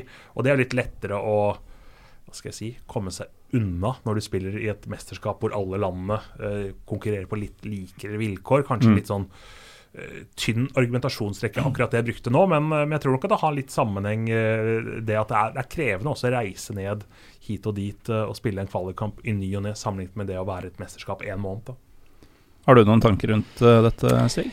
Uh, nei, jeg har ikke så mange gode tanker rundt det, faktisk. Eh, nei, jeg, nei, jeg kommer ikke på noe smart der, altså, på hvorfor det er Det var bare middels smart det jeg kom med også, men eh, Ja, det var lenger enn jeg hadde klart å tenke på Nei, jeg har ikke noen gode teorier på hvorfor det er lettere for de å Altså, jeg har jo, jeg har jo blant annet, eh, apropos afrikanske keepere, jeg jobbet jo, eh, jeg jobbet jo en periode som en agent, og da var jeg blant annet agenten til Arnold Origi Ja. kenyansk landslagskeeper, og skulle selge inn han til norske klubber. Um, han fortalte da om forskjellen på å spille landskamp hjemme i Kenya sammenlignet med borte. Og det var helt umulig å vinne borte. For det, ble, det var så mange tjuvtriks, og det var så mange ting du ble utsatt for. Um, som, uh, som gjorde at uh, hvis du titter på borte- og hjemmetabeller både i ligasystemer og uh, VM-kvalikkamper og sånn for en del nasjoner, da, det er sikkert litt bedre og sikkert litt bedre kontrollorganer og sånn nå, som gjorde at det var veldig vanskelig da, å ta seg gjennom disse, disse stegene. Og så har det også vært eh, um, i en del kvaliker um, opp, blitt oppdaget, og også selvfølgelig vært en del spekulasjoner om eh, be, dommere som er kjøpt. Der har man selvfølgelig en del nasjoner som har vesentlig mer midler, vesentlig mer uh, frekkere måter å få fiksa dette her på. For du kan jo også tenke deg hvordan du kan forandre en, en dommers liv da, ved å gi han uh, to brune konvolutter. Uh, det er jo ikke akkurat eh, slik at alle de afrikanske dommerne holder aller best kvalitet, eller er de som blir invitert til å eh, å si, um, dømme i euro europeisk Champions League, hvor kanskje dommerne, dommerpengene sitter mest eh, løst når det gjelder eh, holdt på å si, lovlige betalinger. Så det er en del sånne ekstra elementer da, som kan, kan dukke opp. Vi har jo nå gått tre kvarter omtrent uten å snakke om det faktiske mesterskapet som, som er på trappene, som sånn det ser ut nå, skal begynne fredag 21.6 i Egypt. Eh, ta litt om vertsnasjonen først. Eh, Du har vel sikkert vært et par ganger i Egypt, eh, Stig? Egypt har jeg vært veldig mange ganger i også, bl.a. noe som før som het, noe som het Meridian Cup. Og det var faktisk den første gangen jeg så John Obi Miquel. Og da er vel tilbake til 2002 eller 2003 når det var. Så det var min, en av mine første turer var faktisk til, eh, til Egypt for å se den turneringen der. sånn. Og den turneringa så havner det faktisk fire mann i Lyn. Uh, husker jeg ikke navnet på han, men Bala Esekel, John Ove Miquel, Og Emanuel Sarki. Emanuel Sarki og en til. Det. Skinne, du og Buke? Helt riktig. De fire. Uh, så ja, jeg har vært i, i Egypt eh, mange ganger. Det er jo for så vidt et uh, velfungerende land i afrikansk sammenheng. Og de har jo stadioner, og de har penger. Eh, og de har ganske mye der, faktisk. Uh, det har vært uh, litt uroligheter der også, sånn de siste par årene. Ja, for du omtaler den som et velfungerende land i afrikansk sammenheng, men siden 2011, den arabiske våren, så har det jo vært litt fram og tilbake, har det ikke? Jo, det har det vært. eh, men når jeg sier velfungerende, så altså de har mat, de har hus, de har drikke, de har ganske mye ting som ikke Jeg har vært veldig mye i Vest-Afrika, og de Mm. er ekstremt mye mer fattig, fattigere enn i Nord-Afrika. Ja. Og da har du disse, på å si, jeg kaller det arabere-afrikanere, som er et helt annet på sin nesten igjen folkeslag. Det er vel kanskje en struktur fra altså, Osmanske riket og, og gam maurerne, altså gamle dager, da, som har festa seg litt i sivilisasjonen, eller Ja, og, På en annen ja, da, måte og derfor, så, derfor så eh, igjen, Marokko, Tunis, mm. litt Algerie, men også Egypt, da, de er jo for meg ja, I min afrikanske sammenligning da, så er det et velfungerende land som har litt ressurser. Og mm. derfor så det Mesterskapet kommer til å fungere godt. De har stadioner, de har litt, litt infrastruktur, de har transport. altså Det kommer til å fungere godt. Så det blir ikke noe Det blir ikke noe, det blir ikke noe tull med det, sånn sett. At det kan skje uforutsette ting med det ene og andre. Det kan det selvfølgelig overalt. Men, men det er et land som kan arrangere et mesterskap. Det er jeg helt sikker på. Er det et land eh, verdt å besøke for oss vanlig vanlige dødelige? Hva skal jeg si? Det, nå har jeg vært eh, egentlig jorda rundt flere ganger og vært i mange ulike land. Men jeg syns jo det var fascinerende på mange måter. Eh, jeg tok en båttur på Nilen. En sånn restaurantbåt hvor det var noe livemusikk og spiste middag. Rett i turistfella, vet du. Ja, det hørtes Det var, det var fint. Jeg tok en kameltur til eh, py pyramiden og så på det. Åt hadde- kamelen etterpå? og, nei, jeg gjorde ikke det. Men, men, men, men det er jo Alle de landene har jo på å litt sånne interessante både kultur og litt turistattraksjoner. Og når du reiser så mye som jeg gjør, da, så må, du gjør du sånne type ting. For det er jo ting du bare har lest om i, mm. i skoleboka eller, eller nå særlig på internett. Så når jeg først er der, så gjør jeg litt sånn type ting. Eh, Nå var jeg i Tanzania sist. Jeg var ikke ikke på, sånn, på safari. Eh, Det har heller ikke vært, men det er jo ting man kan gjøre der. Man gjør nok ikke det i Egypt. Men man, når jeg reiser så mye som jeg gjør det, i de ulike landene, så er det ok å oppleve litt annet enn en dårlig fotballkamp. Jeg har vært i turistfella i Egypt selv, altså. Så, så, så, så det jeg har sagt, jeg har ridd på kamel, som eh, for øvrig er verdens mest oppskrytte ting. Utrolig kjedelig å sitte og ri på en kamel. Hørte hørt at det er sinnssykt ubehagelig også. At det er Ja, veldig så holdt ikke jeg på så lenge. Det var bare 200 meter så rundt Mm. en kjærlandrent eller rundt et teppe, og så tilbake. Eh, men jeg spiste også kamel, så, så, så det er sagt, smakte helt greit. Men, men folk, vi reiser dit på, på si Sharm el Sheikh, eh, er det folk som er på ferie og Ja. reiser dit og, og koser seg og bader og holder på. Da er man litt mer usikre på, i og med at det har vært litt eh, uroligheter disse åra i det landet der. Men, men igjen, eh, ja, du må gjerne reise til Egypt, men uh, om du skal reise dit istedenfor noe annet, det er jeg litt mer usikker på. Men skal du først reise til Afrika, så må du igjen Det er et kontinent med 54 ulike land. Så om du reiser til Ghana, så opplever du noe helt annet enn du opplever i Egypt. Mm. Du reiser til Somalia, så opplever du noe helt annet enn du gjør i Egypt. Og du reiser til Sør-Afrika og går på Waterfront, som er Cape Town, så tror du du er på Aker Brygge. Mm. Så det er ekstreme forskjeller i det kontinentet der. sånn. Og altså 54 forskjellige land er jo én ting, men det er jo også sånn at en sudaner er jo ikke en sudaner. Det er jo veldig Ja. mye forskjellige folk innad i disse 54 landene også. Ekstremt mye ulike mennesker i et land. Nigeria, da, som jeg også har vært en eh, 15 ganger, der bor det rundt røftlig 200 millioner registrerte mennesker. Det vil si, det bor antakeligvis 220-225 millioner mennesker. Der har det vel en sånn type 200 ulike språk i tillegg. Og så Du kan møte folk fra samme by, og de forstår ikke hva de snakker om. Og de har født eh, tre mil fra hverandre. Og det er så noe, Det er veldig interessant å reise i seg an for å oppleve noe helt annet. Mm. Det er jo trygt og godt her i Norge. Norge er et verdens beste land å bo i, så det er ikke det mer. Men når du først er på sånn tur, så er det ganske mye du opplever utafor fotball nå, da. Mm. Og det med ja, ulike land, masse mennesker Altså I Lagos bor det 25 millioner mennesker. I Lagos, det er en by. I, Og det er ikke hovedstaden engang. Nei, det er det heller ikke.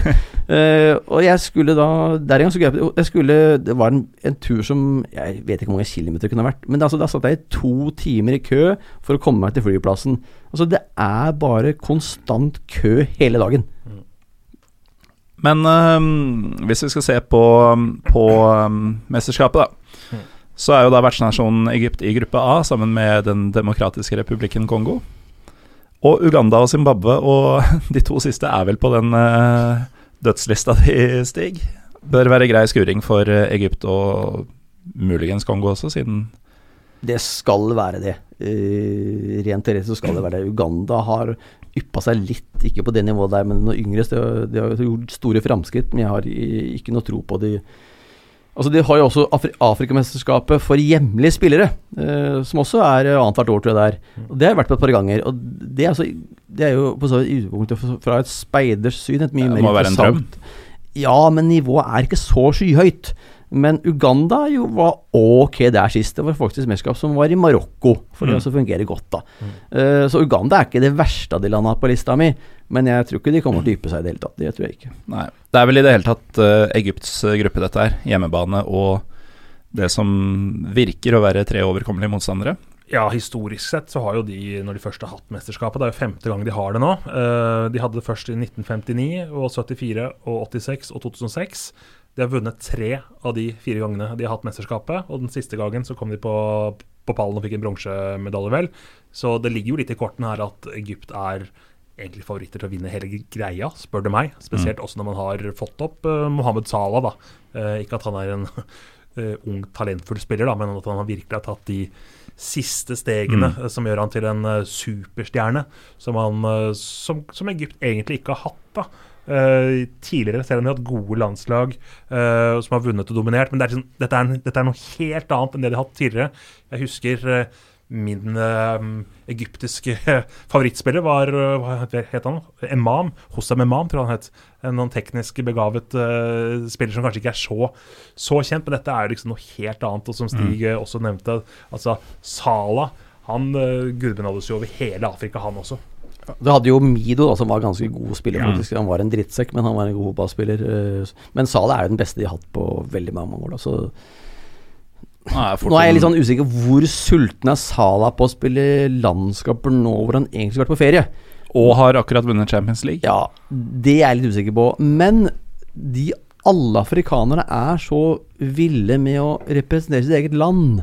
Mm. Så de, sånn, de har en sånn ekstrem uh, offervilje for sitt eget land. Altså. Så de vil gjerne hjelpe landet sitt til alt. Og det er litt, litt rart, men sånn er det faktisk. Og så tipper jeg at han føler, øh, føler på en viss eh, revansjlyst. For øh, det gikk jo ikke helt som de hadde håpa på i VM i fjor, og da var, han, da var det jo under fasten også. Nå har han jo fått en et par uker på, på avstand, og har da muligheten til å, å gjøre for hjemlandet det han har gjort for, eh, for Liverpool. Jeg, jeg, nå vrir jeg det noe helt annet igjen, men jeg, er litt usikker på de store stjernenes motivasjon, da. Selv om de har en uh, velvilje for å hjelpe sitt eget land. I dag tjener gutta 2,5 millioner kroner i året. Og sånn var det ikke før. Da kom folk hjem og ville vinne for landet sitt, og hadde en sult og en hunger på det. Mm. Jeg er litt usikker på, på hvor, hvor mye bidrag de beste landene får fra de beste spillerne sine. da. Altså Liverpool har med tre mann nå. Keita, Mané og Salah.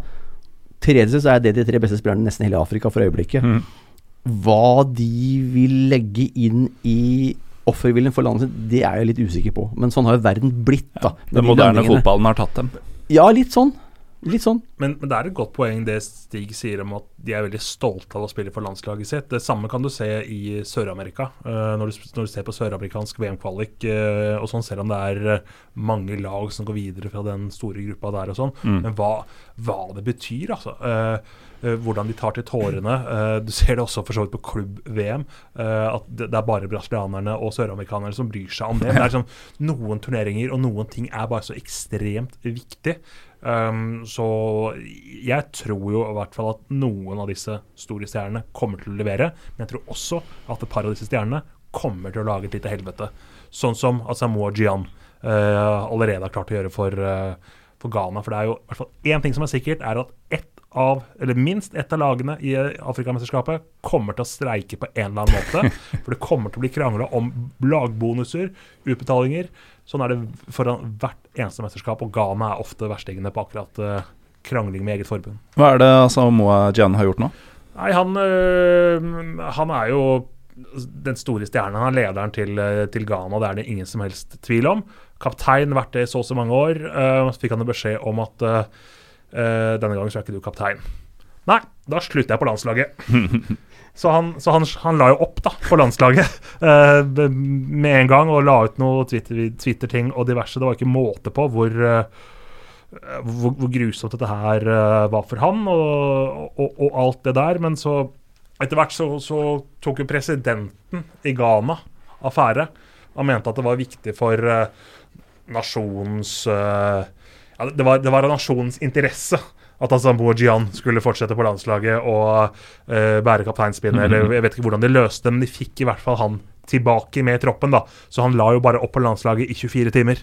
Um, men det der er jo sikkert noe som kommer til å blusse opp igjen, for det er jo ekstremt mange egoer her også. Jeg skal ikke glemme det. Det er ekstreme forskjeller innad Mm. i disse garderobene. Om at han spilleren tjener så mye, han spilleren tjener så mye. Jeg skal vise at jeg um, på en måte har en større verdi for laget og landet enn kanskje du.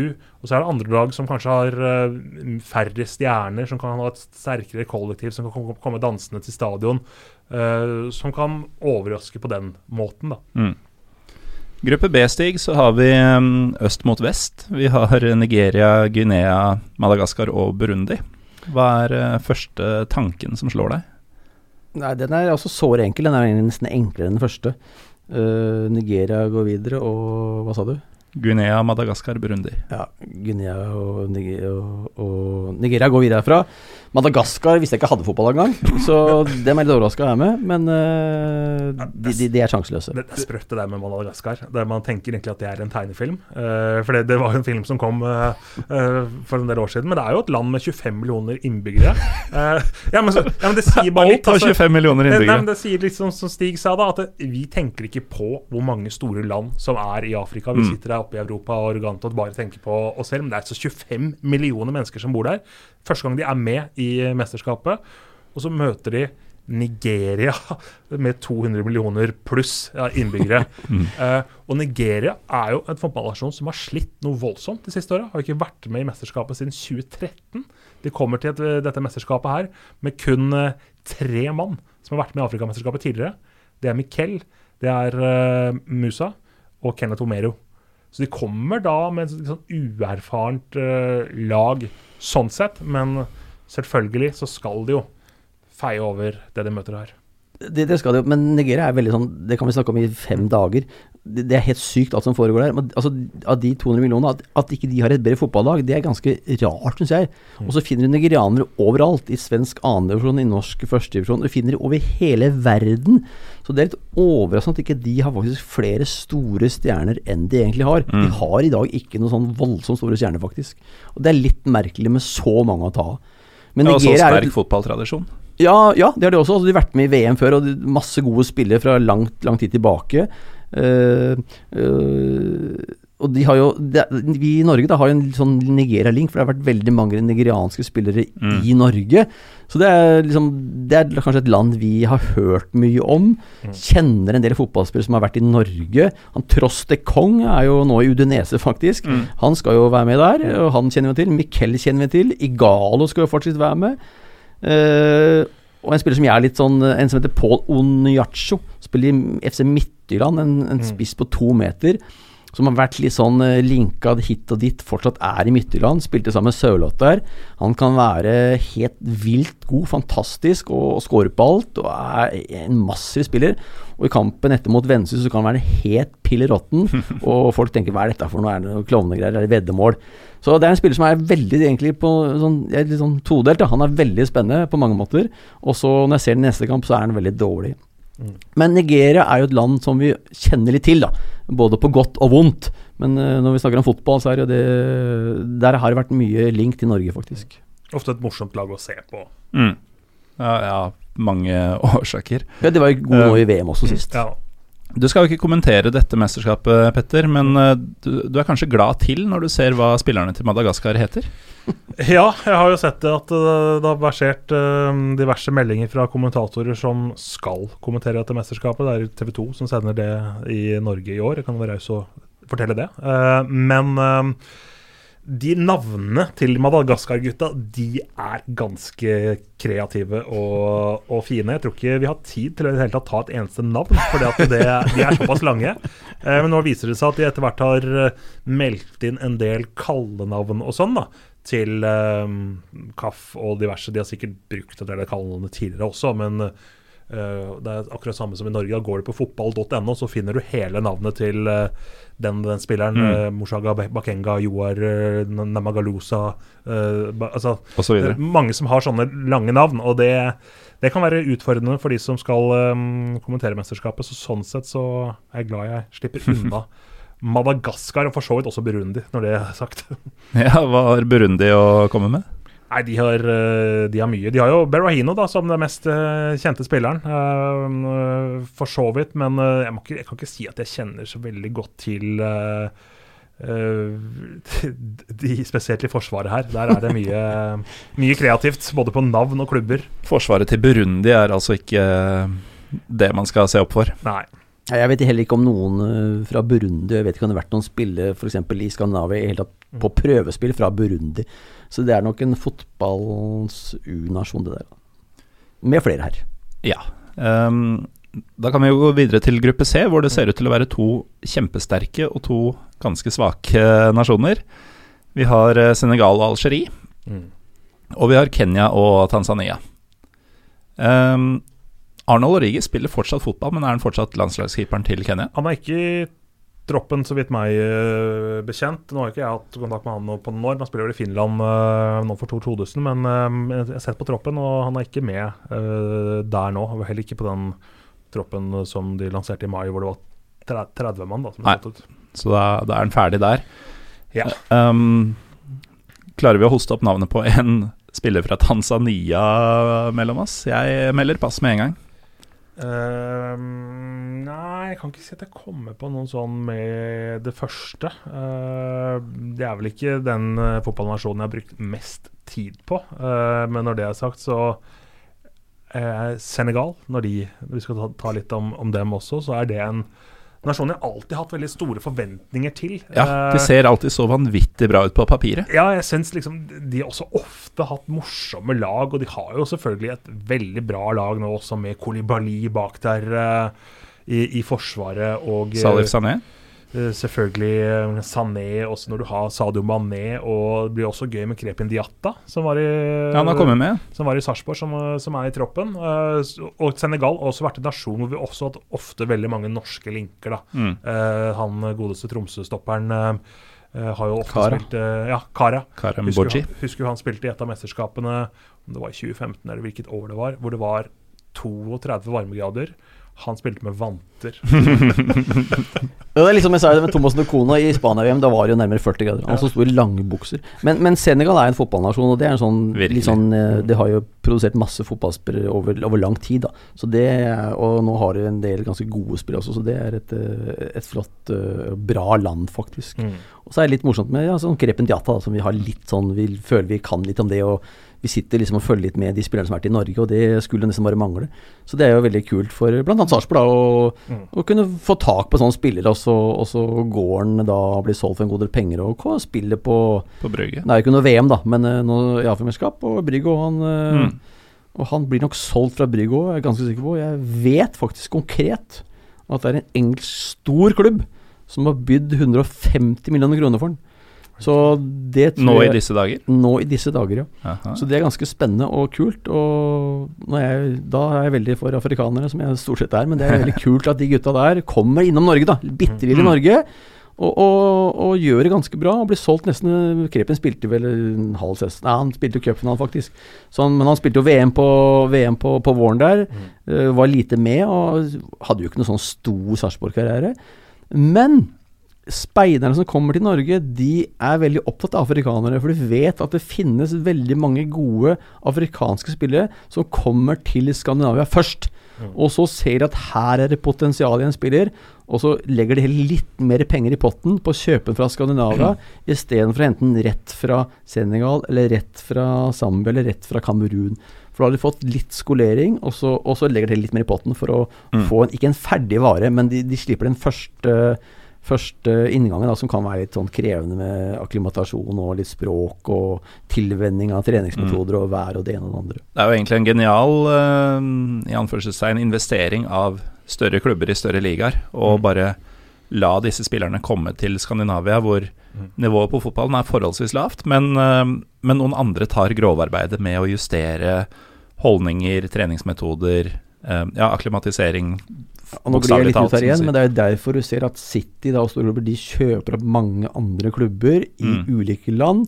For da kan de sette spillerne sine da, Jeg liker ikke å bruke ordet 'sette', men de kjøper brasilianere, mm. afrikanere, mm. og så setter de de i Skandinavia, eller i Belgia, eller i Amerika, eller hvor det er.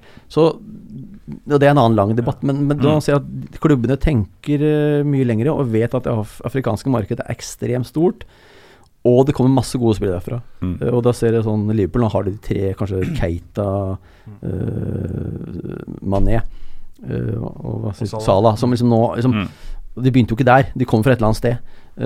og når det liksom blir så stor profitt, som pengene blir bare større og større i fotballen, og spilleren blir solgt for mer og mer penger, Afrikanere produserer nesten flere og flere spillere. Så det er en vill kamp om de afrikanske talentene. Apropos Tanzania, da, som du sa i stad, så var jeg i Tanzania nå i april, faktisk. U17-mesterskap? U17-mesterskap, og der eh, Det var det jeg skulle si i stad, men nå kommer jeg tilbake til det. Det var Senegal.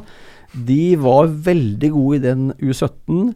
De var og er veldig god U20, som vi så på som VM. Som du også var på? Som jeg også var på, ja. Uh, så det er klart at det er de store landene som har fotballtradisjoner, de mm. tror jeg også kommer til å overleve. Sånn type Burundi og Namibia og Madagaskar tror jeg ikke kommer opp der. Jeg tror det kommer mye flere spillere fra Senegal, Elfenbenskysten, Kamerun, de, de velkjente landene tror jeg kommer til å faktisk eh, dominere og bare fortsette mm. som dominans på det afrikanske markedet. Og så har vi også både Badou og Salio Siss uh, med for eh, Senegal, som også har vært i norsk, uh, norsk fotball. Og, og Siss var jo faktisk nære å havne i norsk fotball nå for ikke så veldig lang uh, tid siden. Så mm. enda flere linker som gjør Senegal interessant. Marike Fofana, har han kommet gjennom nåløyet? nei, det har han ikke. Nei. Um, Algerie må vi også si noen ord om, fordi um, de har jo de siste ti årene ca. fått et veldig bra A-landslag på, på, beina, litt ut av ingenting tilsynelatende. Da gjerne gjennom å naturalisere um, spillere av, av, fri, av algersk opphav, um, men som egentlig holdt på å si er franskmenn, f.eks. Mm. Um, hva tenker du om den måten å bygge landslag på, Stig? Nei, det er vel fair, det. For det er jo det er, altså, det er De beste spillerne de spiller jo ikke hjemme. Uh, og at de da vil ha de tilbake til Algerie for å representere landet sitt, det, det syns jeg er helt naturlig. Man kunne valgt da en annen taktikk og sagt nei, de som ikke spiller hjemme, de vil vi ikke ha på landslaget. Men det vil jo være en idiotisk taktikk, uh, eller strategi, uh, eh, syns jeg, da. Så, men sånn er det vel med alle. Alle vil jo ha de beste på sine landslag. Det gjelder jo folk i Europa òg. Altså, det er mange her i Skandinavia som har en, eh, en bakgrunn fra Kosovo, f.eks. Mm. Og det er klart, vi vil jo gjerne at de skal spille for oss, mens Kosovo vil at de skal spille for dem. Mm. Hvis Kosovo skulle velge å bare ha spillere fra Kosovo, så hadde du ikke eh, fått lov til å delta i fotballkamper, for de hadde jo ikke hatt mannskap. Mm. Så det er jo ikke noe nytt at Algerie mm. bruker folk som spiller i andre land, spesielt av Frankrike.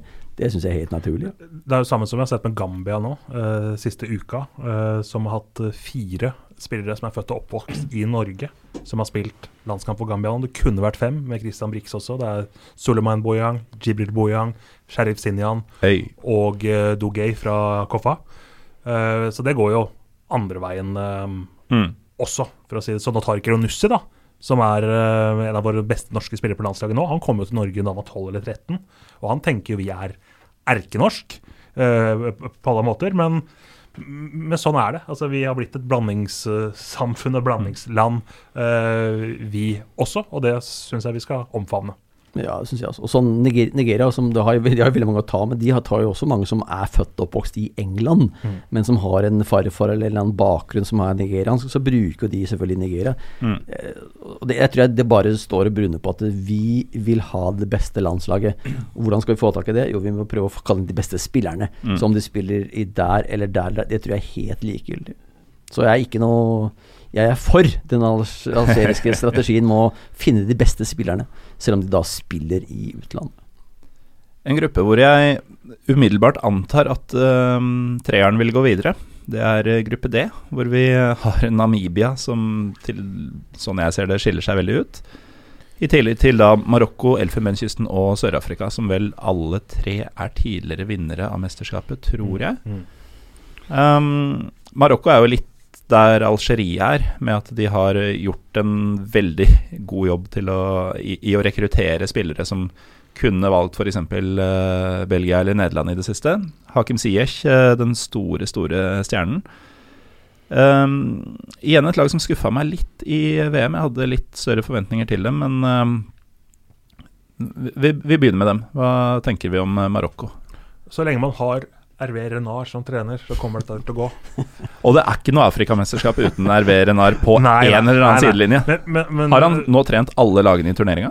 Jo, men det har, jo, eh, det har jo alle de trenerne der. Eh, det er jo, det er jo faktisk en uh, sannhet det at de bytter veldig mye innad um, i um, Afrikamesterskapet når det gjelder at han har trent det, han har trent det, han har trent uh, dem. Han uh, har jo nå hatt uh, Zambia, Angola, Elfenbenskysten og Marokko uh, foreløpig. Um, og jeg tror på at han også kan levere. De tapte faktisk mot nevnte Gambia en treningskamp i går. Marokko tapte mot Gambia? Ja. Men så skal det også sies da, Gambia som ikke skal spille mesterskapet, Marokko skal spille mesterskapet. Disse marokkanerne sikkert ikke kjempegira på denne kampen der. Uh, man uh, holder litt igjen ekstra i en sånn type kamp. En treningskamp er en treningskamp. Det er bare i Norge at treningskamper er noen svære greier, og at vi har treningskamptabeller og det ene og det andre. Så jeg tror ikke vi skal legge for mye i akkurat det, altså. Men jeg syns jo det med trenings... Uh, Hørvenar har trent tre-fire lag, som du mm. sier. Det er ikke noe nytt det Altså, Lars Lagerbäck har trent uh, Island, Sverige og Norge. Så det er jo det er ikke noe annerledes i Afrika det enn det er i Europa. Mm. Uten at jeg har noe sånn tall på det, bare for å ta han som vi har. Han har vært i tre, det er tredje landet han har. Og Høre Renard har tre ulike land, eller kanskje han har fire. Så, så det er jo ikke noe afrikansk syndrom, det. Da, da ble jeg på forsvarssiden. Altså, det er jo samme som vi driver med her i. Lagerbäck har i hvert fall hatt sitt eget land, da. Eh, det er forskjellen, men det er forskjellen med disse som kommer til Afrika og er landslagssjefer der, er at det er jo trenere som ofte har blitt avskrevet i Europa. Um, og det er vel nå jeg lurer på om det er åtte eller ni ja, av de 24 landene som har eh, en landslagssjef fra sitt eget land i dette mesterskapet. Uh, og så kan man være positiv eller negativ til, til det. Lars Eh, Lagerbäck var forresten i Nigeria. Han var det. Uh, Det var det fjerde.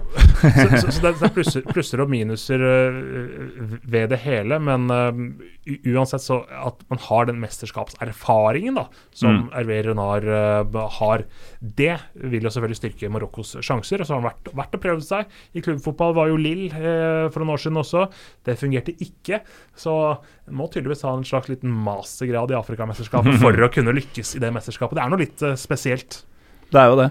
Uh, apropos, dette er kanskje en litt tynn link til uh, Afrika, men uh, husker dere Bora Milutinovic? Han lurer jeg på om trente eh, Det er mulig jeg tar feil, her, men jeg tror han var med som trener i fem strake verdensmesterskap for fem forskjellige land. Hvorav det ene tror jeg kanskje var Nigeria. Det, det var linken. Ja, det, det, den er sterk, den. Jeg kan ikke Ja, det, ja men nå, den, den, har var fra, egentlig fra Jugoslavia. Mm. Ja. Jeg husker, ja, jeg husker navnet nå, og ser for meg litt sånn gråhårig, nesten litt grå- gråere enn meg, faktisk. Jeg, jeg kan huske han, han hadde, han hadde noe lag i Sør-Amerika, han tror jeg. Mm. Uh, jeg, kan, jeg kan det ganske godt, jeg bare husker han, han er vel slutta nå, for han er vel uh, sikkert 80 år eller noe sånt. Ja, det må han være. Uh, men eh, Marokko igjen. Ervere narr på sidelinja, Hakim Ziyech på, på midtbanen eller i angrepet. Det er en god match. Mm. Det, det, det lukter krutt. Um, Elfenbenskysten, et land du er veldig glad i, Stig. Hva, Ja, jeg er veldig glad i det. Litt fra gammelt av var mye mer frekventert i landet mye oftere før. Og da, som jeg var inne på i stad, den gylne generasjonen med Toré-gutta, Drogba, Runa Dindane, Gervinho eh, De hadde ekstremt mange, og spesielt angripere, som var Mm. jævlig gode. Eboué i Arsenal, Colo Torre i Arsenal. Men igjen mangel på keeper. Da. Eh, de har ikke så mange panserspillere nå. Dessverre. Wilfred Bonni skal jo spille der. Og så igjen, han er vel ikke klubben nå, men han er tatt ut der. Wilfred Sa, Crystal Palace er med der. Han er en god spiller. ja, naturalisert han også. Uh, ja, så har- jeg jeg det er en som heter Roger Assal, eller Assalé, fra Young Boys. Han var en spiller som ble linka til Norge og Sverige, og var Mm. faktisk på prøvespill også, tror jeg, en klubb eller to. Spiss. Uh, angriper spiss, ja. Jeg syns ikke han er spesielt god. Eh, men de har ikke det laget de Det er ikke Drogba. Det er ikke Drogba og gjengen der. Altså, det er ikke det. Wilfred Kanon, eh, Han- midtstopper fra Ja. FC Den Haag. Han, han husker jeg fra tidligere mesterskap. Kanonspiller. Kanon Han, og eh, BI han er ikke vel det. men, men det er og de, og de som er gamle her, da, er jo typer som er veldig på vei ned. Jeg har likt Seredie tidligere. Han er blitt 34 år nå, Mm. men han var god for sju år siden. Og så er det et par andre unge på vei opp som enda ikke ja, er det som Elfenbenskysten hadde tidligere. Eh, du nevnte Moriki Fofana i stad. Jeg tenkte var det lurespørsmål eller ikke, for han kommer jo fra Elfenbenskysten. Ja, gjør kysten, så jeg visste, ikke helt om jeg skulle sette meg på plass, men han kom, er jo i hvert fall ikke med. Eh, så det er litt sånn blanda drops. Og så Frank Kessier, som er en av de som har spilt med flest landskamper i den troppen her, syns ikke jeg er noen kjempespiller heller, som spiller for, eh, spiller for Milan. Så Men han spiller jo fast for Milan, og det må være noe der. ja, men uh, hvor vanskelig er det å spille fast for Milan, sånn som de har holdt på de siste uh, åra? Eh, så jeg syns dette er et litt sånn skuffende Elfenbenskysten. Ja, men de, de, de har jo ikke noe mer å ta. Serge Aurier Tottenham, som har vært helt uh, midt på treet, kanskje under, under midten opp. Og i Tottenham spilt litt, vært litt villmann, gjort mye idiotiske ting. Han er med her. Uh, Nicolas Pepe fra Lill er jo en Han er spiller som blir uh, linka både hit og dit. Han er jo med, og han eh, kan jo gjøre noe, men eh, igjen, de har ikke det laget de hadde når de var på sitt aller, aller beste. Nei, altså når vi har sittet og ramsa opp navn nå, så, så merker jeg at Nicolas PP skiller seg ut positivt. Mm. Så han, i mitt hode nå, er den store stjerna, og foreløpig så er han jo ingen stor stjerne. Han, han blir det nok. Så Men- vi, vi, de har hatt eh, Ja, de har hatt et panserlag før, men den, den generasjonen Og den, det kommer ikke tilbake, fordi de var ekstremt gode, alle de der sånn. Mm. Um, Namibia kjenner jeg veldig lite til. Har du vært der? Uh... Der har jeg ikke vært. Jeg har vært i 24 land av de 54. Namibia er et land jeg ikke har vært i. Litt sånn norsk link der, føler jeg. Ikke Det var en fotballspillermessig. spiller fra Lyn. Mohammed Oseb. Mohamed Oseb. Han øh, kom fra Namibia. Det er vel det eneste jeg kan huske fra Namibia. En midtbanespiller der. Det, ja, godt, øh, godt huska, Petter. Han, han husker jeg litt. Han var altså god sentral defensiv midtbanespiller. Men så ble han litt lenge på ferie, så vi fikk han fyken. Ok, ja, jeg husker historien der. Men i hvert fall, han, det er, når du sier Namibia Link, så er det det eneste jeg kommer på. Så mer enn det. Og jeg heller ikke vært der, så det Vi har jo godeste um, Oliver, Oliver Risser. Han har også vært i Norge. Mm. Var uh, landslagskaptein for uh, Namibia. Men jeg ikke tar helt feil, kan jeg faktisk google nå foran meg, så jeg ikke driter meg ut på, på de riksdekkende uh, podkast. Men jo da, han uh, spilte syv landskamper for uh, Namibia. Han var jo norsk uh, fotball i 2010. Spilte både for Manglerudstad og Lyn. Uh, så vi har fått nevnt uh, han også. Og Manglerudstad var jeg trener for en gang, men hadde ikke han husket. Ja, det huska han. Og da sitter vi igjen med, med Sør-Afrika. Ja. Vant jo på hjemmebane i 96, med, da Nelson Mandela vel åpna mesterskapet som en frimann. Ganske sinnssyk um, hendelses um, Ganske sinnssykt hendelsesforløp. At alle de tre tinga falt på plass. Sør-Afrika er et land jeg ikke tror noen ting på. Uh, selvfølgelig kan de gjøre noe figur i det mesterskapet her. Den har ikke troppen foran meg, men de har antakeligvis veldig mye hjemlige spillere. Det er veldig få spillere som spiller i Europa, og som er gode. Eh, det er eh, de, de har mye penger i hjemlandet sitt, derfor er de hjemme. De er på, si, på mange måter er et velfungerende land. De tjener gode penger. De har arrangert VM, de har gode stadioner. Så alt fungerer i fotballigaen i Sør-Afrika. Derfor så Og det er dyre å kjøpe, og det er dyre å lønne, for de tjener mye penger fra før. Mm. Derfor så er det få som går ut av det landet der sånn, og da blir de værende der. Og det er én grunn for at de ikke er i, i Frankrike eller i Premier League, for de er bare ikke gode nok, er min knallharde teori. Mm. Og bare for å dra den litt lenger, det er forskjell igjen på nord, vest, øst og sørafrikanere. Og den gamle gode nei, Gode var feil, helt feil ord. Men slavekysten, det har vært innom før. Elfenkysten, Ghana, Senegal, Togo, Burkina. Alle de landene her, der kommer de fleste spillerne fra. Mm. Tar du en statistikk i Premier League og ser hvor spillerne kommer fra, så tipper jeg det er 95 kommer, nei, 90% kommer fra Vest-Afrika, så kommer den siste ti fra Nord-Afrika. Mm. Det er ingen fra øst, og det er kanskje tre fra sør. Så derfor igjen eh, Konklusjonen min er at jeg tror ikke på sør Nå skal du jo da spille mot afrikanere, men jeg tror ikke på det i år heller. Ja, så når spissen er Lars Feltverk, da, som var i, var i Ålesund, for de dere som eh, husker han. Men det som er gøy med Sør-Afrika, som eh, gjør at jeg har litt lyst til å sitte og heie på dem, er at Stuart Baxter er jo trener i Sør-Afrika. Stuart Baxter. Stuart Baxter, ja. Ja, Stuart Baxter har jo vært der lenge nå, og jeg har jo går, jeg, mine, min første tur til Afrika, for å komme tilbake til det det var faktisk i Sør-Afrika. Og jeg kom hjem med to spillere på første tur. Tony Leko til Brann. Mm. Og Makbet Sibaya til Rosenborg. Så det var min første tur. Først Johannesburg, og så til Cape Town. Skjønner du at du fikk vann på mølla? Ja, og det blei jo litt sånn at man, når man lykkes i starten med noe, så reiste jeg til min tur nummer to til Elfenbenskysten, og da fant vi Røde Raoul Kouakou. Og han fikk også avtale, og da begynte ballen å rulle for mitt vedkommende, da. Nå var det en veldig avsporing. Men Sør-Afrika, det var min første tur. Tony Leko, Makbet Sibaya. Og- så, så jeg har, jeg har en litt sånn Jeg tenker på det, men sånn som det fotballen har blitt der nå, med litt penger og uh, stadioner, hadde VM så, så, så det fungerer ok fotballmessig. Og derfor så er det mange som spiller der, og ikke Mm. går ut. Og igjen, rent fysisk, vestafrikanere er mye røffere, større, sterkere, rent genetisk, Mm. enn de er fra Sør-Afrika. Um, apropos um, Vest-Afrika, holdt jeg på å si, så um, har vi jo Mali i gruppe E. Uh, en gruppe som de deler med Tunisia, Mauritania og uh, Angola. Angola var jo et VM, uh, de, for en tid tilbake. Angola er ikke det verste landet. Det er jo portugisisk eh, på å si, kolonistat, gammel. Mm. Eh, Det er en del ålreite spillere der, faktisk. Og fysikken er i orden, og råskapen og villskapen er der. Eh, De er ikke så gode. Eh, Mali er gode. De, de er veldig gode, og jeg, som sagt igjen, De imponerte i Polen Polen også? Polen var veldig gode der. Eh, Jeg vet at eh, Peter har kommentert eh, Red Bull Salzburg et par ganger, og Haidara, som Mm. gikk fra Red Bull Salzburg til Leipzig, vel. Mm. Eh, og så har de en som heter Samasioko, sånt, som fortsatt spiller i Salzburg. Mm. Knallspiller.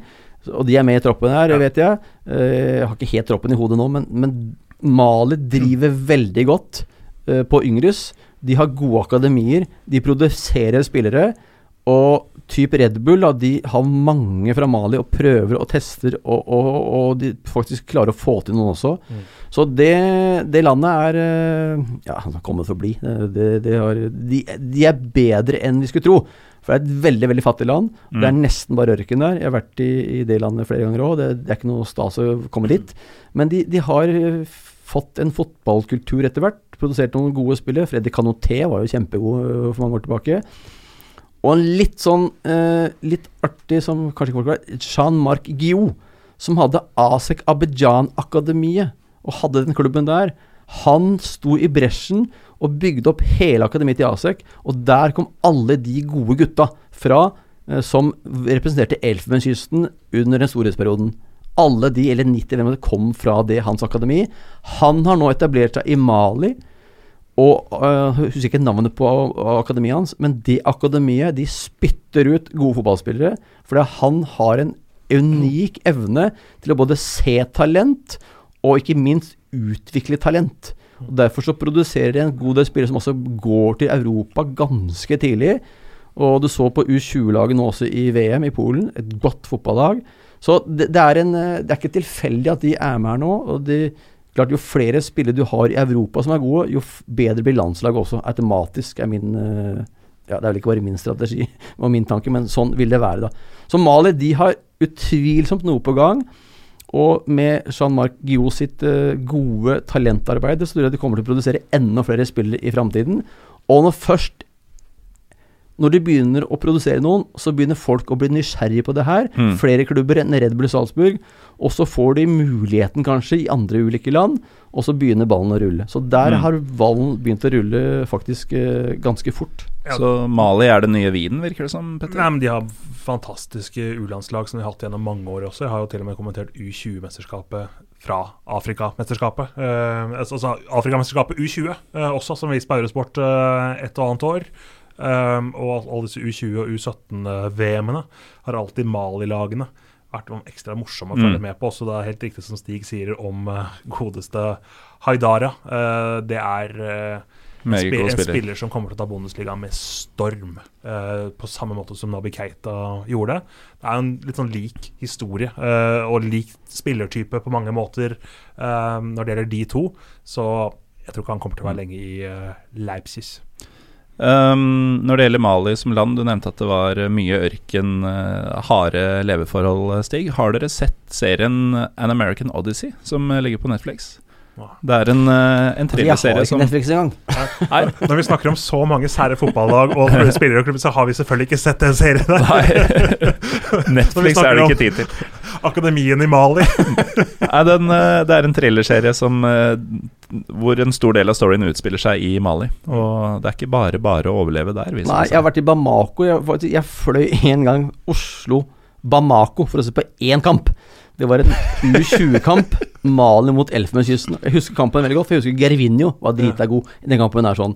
Men jeg har vært i Bamako flere ganger, og det er eh, som du er inne på, det er ikke noe hyggelig å være der. Det har vært litt attentater der. Det er fattig, det er varmt, og det er tørt. Så det er ikke noe, det er ikke noe, det er ikke noe stas å være der, altså. Men uh, igjen, den sulten og hungeren som mange afrikanske spillere har, er så iboende at de ønsker seg et bedre generelt liv. da. Og når fotballen kan hjelpe de ut, så, så, så tar de den, og de jobber hardt for å få den. Mm. Så har vi Tunisia. Um, VM 98, eh, VM 06 eller 10. I hvert fall Kari Messediri var med dem eh, til VM en gang. Hva, hva er Var stå... Moeli også det? Nei, han fikk ikke være med. Nei. Eh, hva er eh, ståa i Tunisia, så vidt du vet, uh, Petter Bø? Nei, altså, jeg eh, har ikke fulgt eh, Altså, jeg har ikke fulgt disse lagene her så tett inn mot dette mesterskapet her som jeg har gjort tidligere, da, i og med at jeg ikke skal kommentere. Eh, Jeg må innrømme at Tunisia for meg nå, det er et blankt lerret. Jeg, jeg tror ikke jeg kan jeg kan ikke dra fram på stående fot én tunisisk spiller. Kastri. Takk. Mm. Wadi Kasri. Ja. Ja, men, uh, men, nei, det er- den trengte jeg hjelp til. Ja, det er Det veldig mange hjemlige spillere der. Eh, så, så de har vært igjennom et slags generasjonsskifte der, men uh, de, har ikke fått opp de, de, profilene på en måte det laget der har, har uh, ropt etter de, de, siste årene. Det er ikke noen tvil om uh, det. så ja, men, det, men, det, kan bety også det at det kan være et lag som kan overraske. da. Mm. Med at man har mye hjemlige spillere, at du har litt av de mer ukjente. Men det er jo typer her med 40-50 landskamper som har en viss erfaring. Men jeg mm. skal innrømme at det, det er en stund siden jeg har sett Tunisia spille landskamper nå. Det er, det er, faktisk selv for deg eh, lov å melde at du ikke har sett Tunisia spille landskamp på en stund. Eh, men, men, sånn som vi har gått gjennom ting nå, så virker det nesten som om Mali er ikke bare favoritt, men nesten stor favoritt, basert på det vi, det, det vi vet i denne gruppa? I gruppe E så, så mener jeg helt opplagt at, uh, at de bør være det, mm. basert mm. på uh, tradisjonene til det, um, til det landet. Uh, alle U-landslagene som har vært opp og fram, de, de, de, har jo da mesterskapserfaring. da, Mange av de unggutta som, eh, som man kanskje ikke kjenner så godt til uh, oss der. og mm. De har jo ikke Mauritania på samme, samme, måte. Det blir jo veldig spennende å se hva de kan uh, slå i bordet med. Ja, um, her må du hjelpe oss, Stig, fordi Mauritania altså jeg, jeg trodde først at det var Mauritius feilstava. Mauritania er vel Hvis du ser på globusen som jeg har hjemme, så er det et ekstremt stort land. Men det er jo ikke noe, det er jo ikke noe fotballand. Og Jeg har ikke vært der, og jeg skal heller ikke dit. Eh, jeg kan heller ikke hjelpe dere med noen mauritanske fotballspillernavn heller. Eh, men se på globusen, jeg vet ikke hvor mange hundre millioner som kan bo der. Nei, Det bor ikke flere hundre der, men det er et veldig stort land i, i, i areal. Uh, Hvor ligger det? Det ligger uh, vest, altså overfor Senegal, opp mot nord, mm. på, på, vest sånn sett, da. Uh, kort vei til uh, Kanariene. Det ligger på sida der. Jeg sjekka det nå. Det er, det er som du sier, veldig stort, men det bor sånn sett da nesten ikke mennesker der. 3,5 millioner. 3,5 millioner? det var det, Jeg trodde det var mye men, mer. Jeg visste at det ikke var bare 100, som jeg sier. Men, men, det er et ekstremt stort land. Mm. Aldri vært der. Jeg var faktisk på vei dit en gang, for jeg husker det var en spiller som skulle være veldig, veldig god. Men der er jeg blitt ganske sånn kynisk når jeg får tips på ting. Og jeg får tips fra en fra Burundi, Madagaskar eller Mauritania, så dropper jeg egentlig turen. For jeg vet at det der, det, selvfølgelig kan det være en avviker som er god. Men jeg er såpass gammeldags at nei, jeg reiser til Kamerun, Senegal, Nigeria, Elfenbenskysten, fordi det er litt mer Sjansen er større for å treffe? Ja, jeg mener å påse, da. Og det, jeg mener ikke å være stygg mot de, de ufaglærte landa, men det har noe med tradisjoner, kultur, erfaring, mm. hvor vi har vært før, hvem som produserer, se på Ja, jeg bruker Premier League som parameter på hvor er det spillerne kommer fra. Mm. Og så kan du se bak landa, da er det fotballand fra mm. Vest-Afrika. Og fotballand har vi eh, plenty av, eller i hvert fall et par av, i eh, den siste gruppa, gruppe F. Der har vi jo den tenkte vertsnasjonen, Kamerun. Og så er vi Ghana, hvor det allerede har vært eh, mye faenskap. Ja. I tillegg til Benin, som jeg kjenner veldig dårlig til, og Guinea-Bissau, som jeg kjenner enda mindre til. Um, du har harselert litt med sistnevnte tidligere, Stig. Guinea-Bissau er et land som alltid er dårligst når jeg er på noen turneringer. Det er mange ulike turneringer i Afrika med landslag. De er alltid dårligst? De er alltid dårligst. Så, så de, de, de, har ikke noe tro på. Altså, de er bare dårlige. Uh, Benin har jeg vært i, faktisk. Det er en turnering der. Uh, som hadde et U20-mesterskap. Det er jo et vestafrikansk land igjen. Uh, ligger vel ved siden av Togo, men jeg husker, inn mot Nigeria, tror jeg. Så sånn rent geografisk skal de jo ha produsere fotballspillere, men de gjør det ikke. Mm. Jeg klarer ikke å svare på hvorfor de ikke gjør det. Men jeg har vært der på en, på en turnering, og det ligger egentlig på rett sted på, på kontinentet, da. Men det er ikke noen spillere som jeg De har vel eh, kanskje en to-tre spillere som spiller uh, på et anstendig nivå. Men jeg har ikke noe kunnskap om det. Ghana har jeg vært veldig mye. Det er et uh, fint land. Det er et godt land å være i. De produserer fotballspill i tillegg. Uh, ting fungerer der. Det er stabilt, det er rolig. Du er ikke redd når du går ut på kvelden. Du er ikke redd når du tar en taxi, og du kan gå på et kjøpesenter. Og det kan du ikke i f.eks. Bamako, for det er ikke noe kjøpesenter å oppdrive. Som ligger i Mali? Bamako er i Mali igjen. Mm. uh, så, så, Ghana er et uh, fint, engelskspråklig Alt der fungerer. De kan nesten reise aleine. Jeg pleier å ha med noen folk, men stor, dit hadde jeg reist alene. Det er helt ufarlig. Hva mener du? altså Dit kan du nesten reise aleine, og så sier du du pleier å ha med noen folk? Som i livvakter, eller? Nei, men det er litt tryggere. Nå har jeg fått på såpass kontakt at jeg kjenner folk i de fleste land jeg skal til. Og det er litt kinkig å komme lande i Niger, da. eh, hvor jeg også har vært. Det er litt kinkig å lande setning, egentlig. Å lande i Niger. Det er kinkig. det, det kan være litt guffete å lande i Niger i 52 pluss, og du kjenner ingen rundt deg, og alle skal bort og snakke og ordne og fikse og selvfølgelig hjelpe til Mm. med alle mulige ting. Da er det litt trygt å ha en som uh, står med sånn plakat med Stig på, eller et eller annet som du har en lokal kar som transporterer deg dit, tar deg med dit, der kan vi spise, der skal du bo, jeg henter deg på kampen, kampen er der. Eh, Kommer selvfølgelig en time for seint, men det er vi vant til, så det Mhm. fikser vi ut av. Men det er litt kron... Og når ikke da snakker fransk, og halvparten av disse landene er jo franskspråklige i tillegg, da er det trygt å møte en kar som du vet er innfødt, som kan være en agent eller en lokal Mm. trener eller en eller annen relatert til fotball, da. Så ehm, eh, hvor var jeg var? Hvilket land var vi? Vi er jeg, jeg var i Ghana. Jeg var i Ghana. Og der er det Dit kan man faktisk uh, Lande i Accra helt ufarlig. Og du flyr Lufthansa eller KLM eller det er helt ufarlig allting i, i Ghana. Fine hotell. De har selvfølgelig ikke fine fotballbaner, men det er jo Det vet man. Men Ghana er Og de har jo produsert gode fotballspillere. Og det gjør jo nesten hele tiden. Det er litt dårlig akkurat nå, syns jeg. Mm. Du vet ikke hva som er den beste, men han Partei eller Partei i Atletico Madrid, han er jo god. Partey. Eh, altså Miguan begynner å bli gammel og er nok over det topp. Antony Annen var en av mine på å si, mm. scoop uh, som har gjort det godt. Han er ikke med nå, er jo for gammel. Uh, Så så, er det Ayu-gutta, men som også heller ikke er noe, synes ja. jeg. da.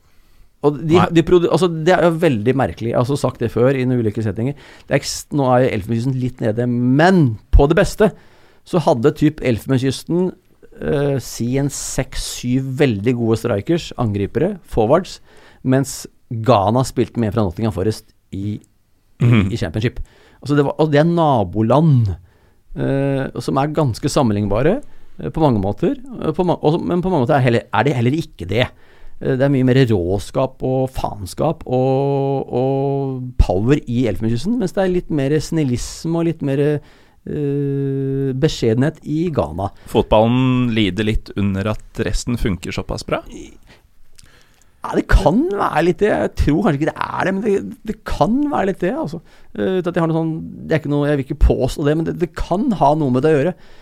Men summa summarum, Ghana er et fint land å både reise, scoute og de produserer fotballspillere. Akkurat nå har de ikke noe sånn panserlag, og de har vel ingen angripere som heller kan liksom gjøre en forskjell. da. Mm. Uh, og det har de for ikke hatt heller på lenge. altså. Men, men samtidig da, så, så, så er de angriperne, angriperne likevel gode nok til å hamle opp med de lagene de møter i gruppespillet. og sånn, Så plutselig så kan det jo skje noe med det laget som har erfaring.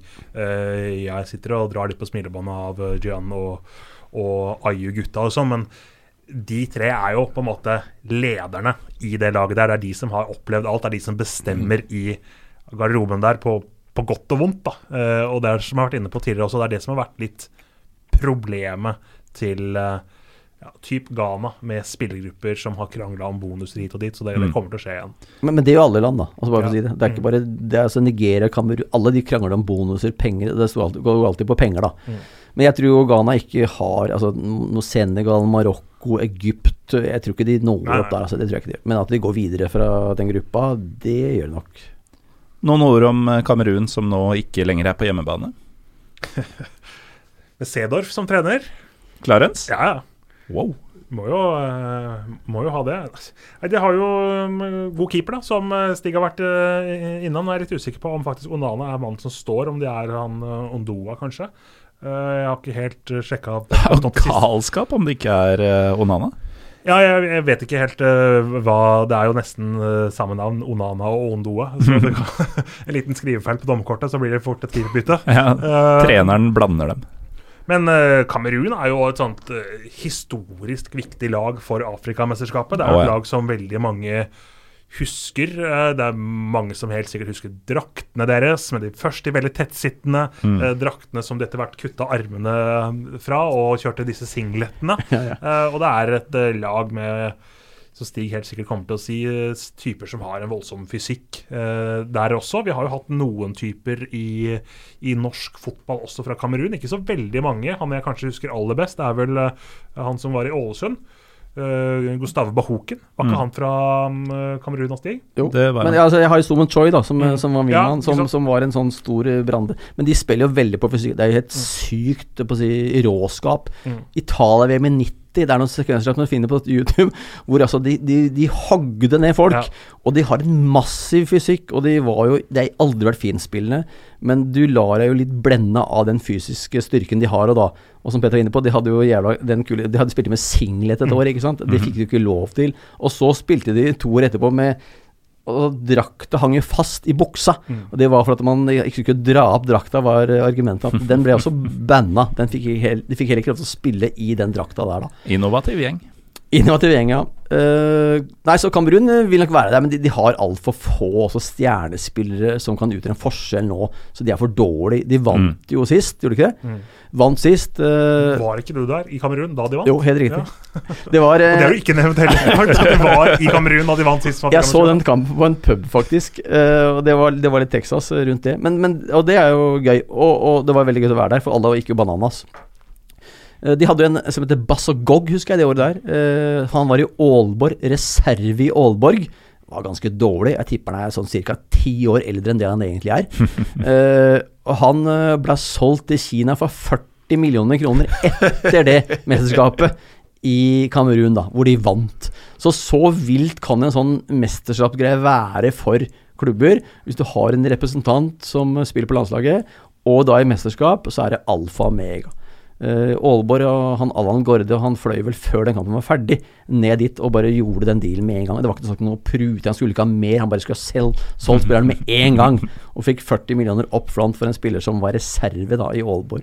Så det var en sånn, en sånn vill, crazy overgangsstory på, på Kamerun, og hvordan et sånt mesterskap kan påvirke en hel, altså en hel klubbs økonomi, og selvfølgelig spilleren selv, da, som, uh, som var i fokuset. Ikke minst. Da har vi gått gjennom alle gruppene, og vi har um, synsa og mimra og kost oss. Um, jeg har tatt meg friheten å notere at de landene vi har snakka varmest om fotballmessig, uh, er Egypt, Senegal, Marokko og Mali, altså sånn de ser ut nå. Um, hvem er din favoritt, Petter, til å, til å ta det? Egypt. Vitende om at uh, ting aldri går som man tror, selvfølgelig, i, i Afrikamesterskapet. Nei, jeg tror, eh, jeg tror mest på Egypt. Og det, det går litt på historien, hva som har skjedd før de gangene Egypt har, um, har hatt mesterskapet. Egypt har vært, uh, hatt sine problemer på hjemmebane, som vi har vært innom før, med at ligaen ble stoppet etter den arabiske våren. Dette trenger Egypt, dette skal Salah fikse for dem. Uh, så jeg tror det ligger veldig mye i det. Ja, jeg forstår skepsisen til Stig også om om han er klar for å levere akkurat uh, nå, etter alt han har Mm. opplevd og sulten og alt det der. Uh, Men, men, øh, kanskje har jo også den Champions League-triumfen gitt han smaken på titler. At han vil bli en grossist, sånn som eh, Cristiano Ronaldo har vært, f.eks. På klubbnivå. jeg er litt, jeg er litt for negativ, jeg da. For jeg, jeg tror at de gutta der som har Liverpool som adresse, og det som lever og tjener så mye penger som de gjør, hvis de føler at det, de har en føling på en skade, så, så bare, da går de av. For Mm. De ofrer ikke den karrieren der. Og det vet at hvis han kommer tilbake skadet hans, så tror jeg ikke Klopp står og klapper i hendene. Det, det, det vil skje noe. Jeg tror de, er, de har såpass respekt for den klubben som uh, gir de lønnsposen, og den er ganske fet, at så fort det er noe grums med noen skadegreier Og Salah har jo hatt litt sånn litt lurv nå i våres, så han kan fort melde seg litt ut.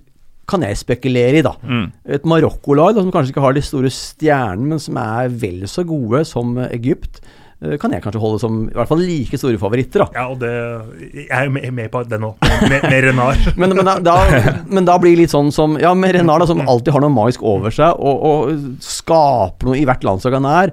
Og hvis man da Vi kan jo ikke ta bort Salah, men jeg bare Jeg i mitt lille hode tar han litt bort, for jeg tror han er litt umotivert og tenker at uh, jeg skal ikke bli skada, dette her betyr litt Mm. mindre for meg Champions League. Litt mett og sånn og sånn, men vil hjem.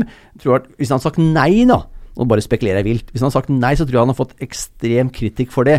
Det er mye bedre å si ja, stille opp, og eventuelt da midtveis bakke ut, ha en føling. Da blir det mye mer formildende. Så jeg, jeg spekulerer bare i at noe sånt kan skje med han, jeg. Og da tror jeg at Marokko er et mye eh, ikke, Nei, ikke mye, men et like tight og bra lag, og kanskje har en eh, Nei, ikke noe mer motivasjon, men de, de kan fremstå på en litt annen måte med Mm. en sånn stjernespiller, da. Og hvis han stjernespilleren da i tillegg ikke leverer, så kan Hervenard eh, trylle. Det har han nesten vist før. Men tenk på det trykket. Snakk om 12. mann og 13. mann og 14. mann. Kairo, Egypt. der med over 70 000 på tribunen. Mm. Det kommer til å bli noen elleville TV-bilder, og sikkert en ellevill opplevelse for de som er på plass der. Ja, Ja. det er kult, men altså, de har jo, de har jo stadioner som tar eh, 100 000 der borte. så, det har, så det kommer til å bli Og det, er, det kommer til å bli fullt på Egypt-kampen i hvert fall. Så Mm. de har jo en kjempefordel med det, da. Mm. Men eh, ja, litt vill spekulasjon med Sala, da. Men eh, hvis han fremstår som han har gjort i sesong, to sesongene, så kan jo avgjøre aleine. Nei, altså, han kan jo hvile seg gjennom gruppespillet, da, Ja, ja. med tanke på hvem de møter. Det er sant. Um, men det koker ned til Egypt eller Marokko, da. Gullet havner i nord. Ja, altså jeg må dessverre si at jeg tror kanskje de gjør det. Jeg heier på Senegal. Mm. Uh, de tror jeg på. De har et bra lag, og de heier jeg på fordi jeg heier generelt alltid med vestafrikanske land, og er imot de i nord. Men jeg ser jo at Marokko, Algerie, Egypt, Tunis de er bedre organisert, de har en bedre struktur, og de har også produsert nå gode spillere, type Sala. da. Så skepsisen min er at de, de vestafrikanske lagene ikke er gode nok. Om et Elfenbenskysten da uten noen toppspillere. Kamerun tror jeg ikke er gode nok, eh, Mm. ren fysikk. Senegal har jo de, har et par mann som er kjempegode nå. Så jeg håper på Senegal, drømmer om det, men eh, frykter eh, de nordafrikanske lagene. Men med 24 lag med, er det noen land du savner? Nå har vi ikke sett at det er for mange med, men jeg har i hvert fall noen land jeg savner. Jeg tenker på Burkina Faso Ja. umiddelbart. Ja, nei, ja, ja enig. eh, Zambia. Ja. men Burkina Faso har liksom de har hatt noen lag som har vært så spesielle. Eh, det de hadde i 2013. Vi kommenterte et par av de kampene der sammen, eh, Stig. Hva het han Med spissen der? Med lynhurtig Pitroipa. Charles Caboret på midten, som er, har vært en favoritt eh, for min del. De hadde han Pridgers Nakolma, som var kjempekjapp på topp, som spilte i Polen. De hadde Abdurazak Traoré, og ikke minst da vår felles favoritt, eh, Stig. Aristide Bancé på topp. Gulltelten på topp, som fremdeles er aktiv. Han er 34 år og har nå spilt i 22 klubber! Han bomma og bomma og bomma, og til slutt så satt han fram i en straffepunkt der. Og så det er sånne favoritter man får. Altså Burkina Faso har liksom vært et land jeg eh, Ja, nei, men jeg, bakker den, og de er ganske gode på det yngres også. De, de er med på U17. De, de, de, som har litt kultur da, og har gode spillere. Og er i naboland til Mali, og, og de driver på samme måte. Så de, de kunne vært med istedenfor mange av de på den dødslista vår, da. Dødslista, faktisk. Um, da er vi ved veis ende. Takk, Petter Bø Tasterud, for at uh, du var med. Det var veldig hyggelig. Og uh, takk, Stig Torbjørnsen, for at du var med. Jeg kan ikke begripe at det har gått nesten to år siden sist jeg inviterte deg. Det er jo en fryd å, å ha, deg, ha deg på øret. Det er alltid like hyggelig å snakke fotball med, med folk som er opptatt av det samme som meg, så det er, bare, det er bare å sende en SMS en gang til senere, om du føler for det.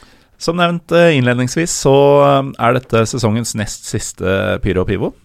Neste uke så kommer en Hva skal vi si En slags reiseguide til dere tilhengere av norske lag som skal ut i Europa i sommer. eh, Av den typen vi lagde i fjor. Eh, Og etter det så blir jeg borte til august. Så takk for følget så langt. Vi har eh, da altså én i banken. Og følg oss på våre sosiale medier. Pyro Pivo på Facebook, Pyro Pivopod på Twitter og Instagram. Og god sommer snart.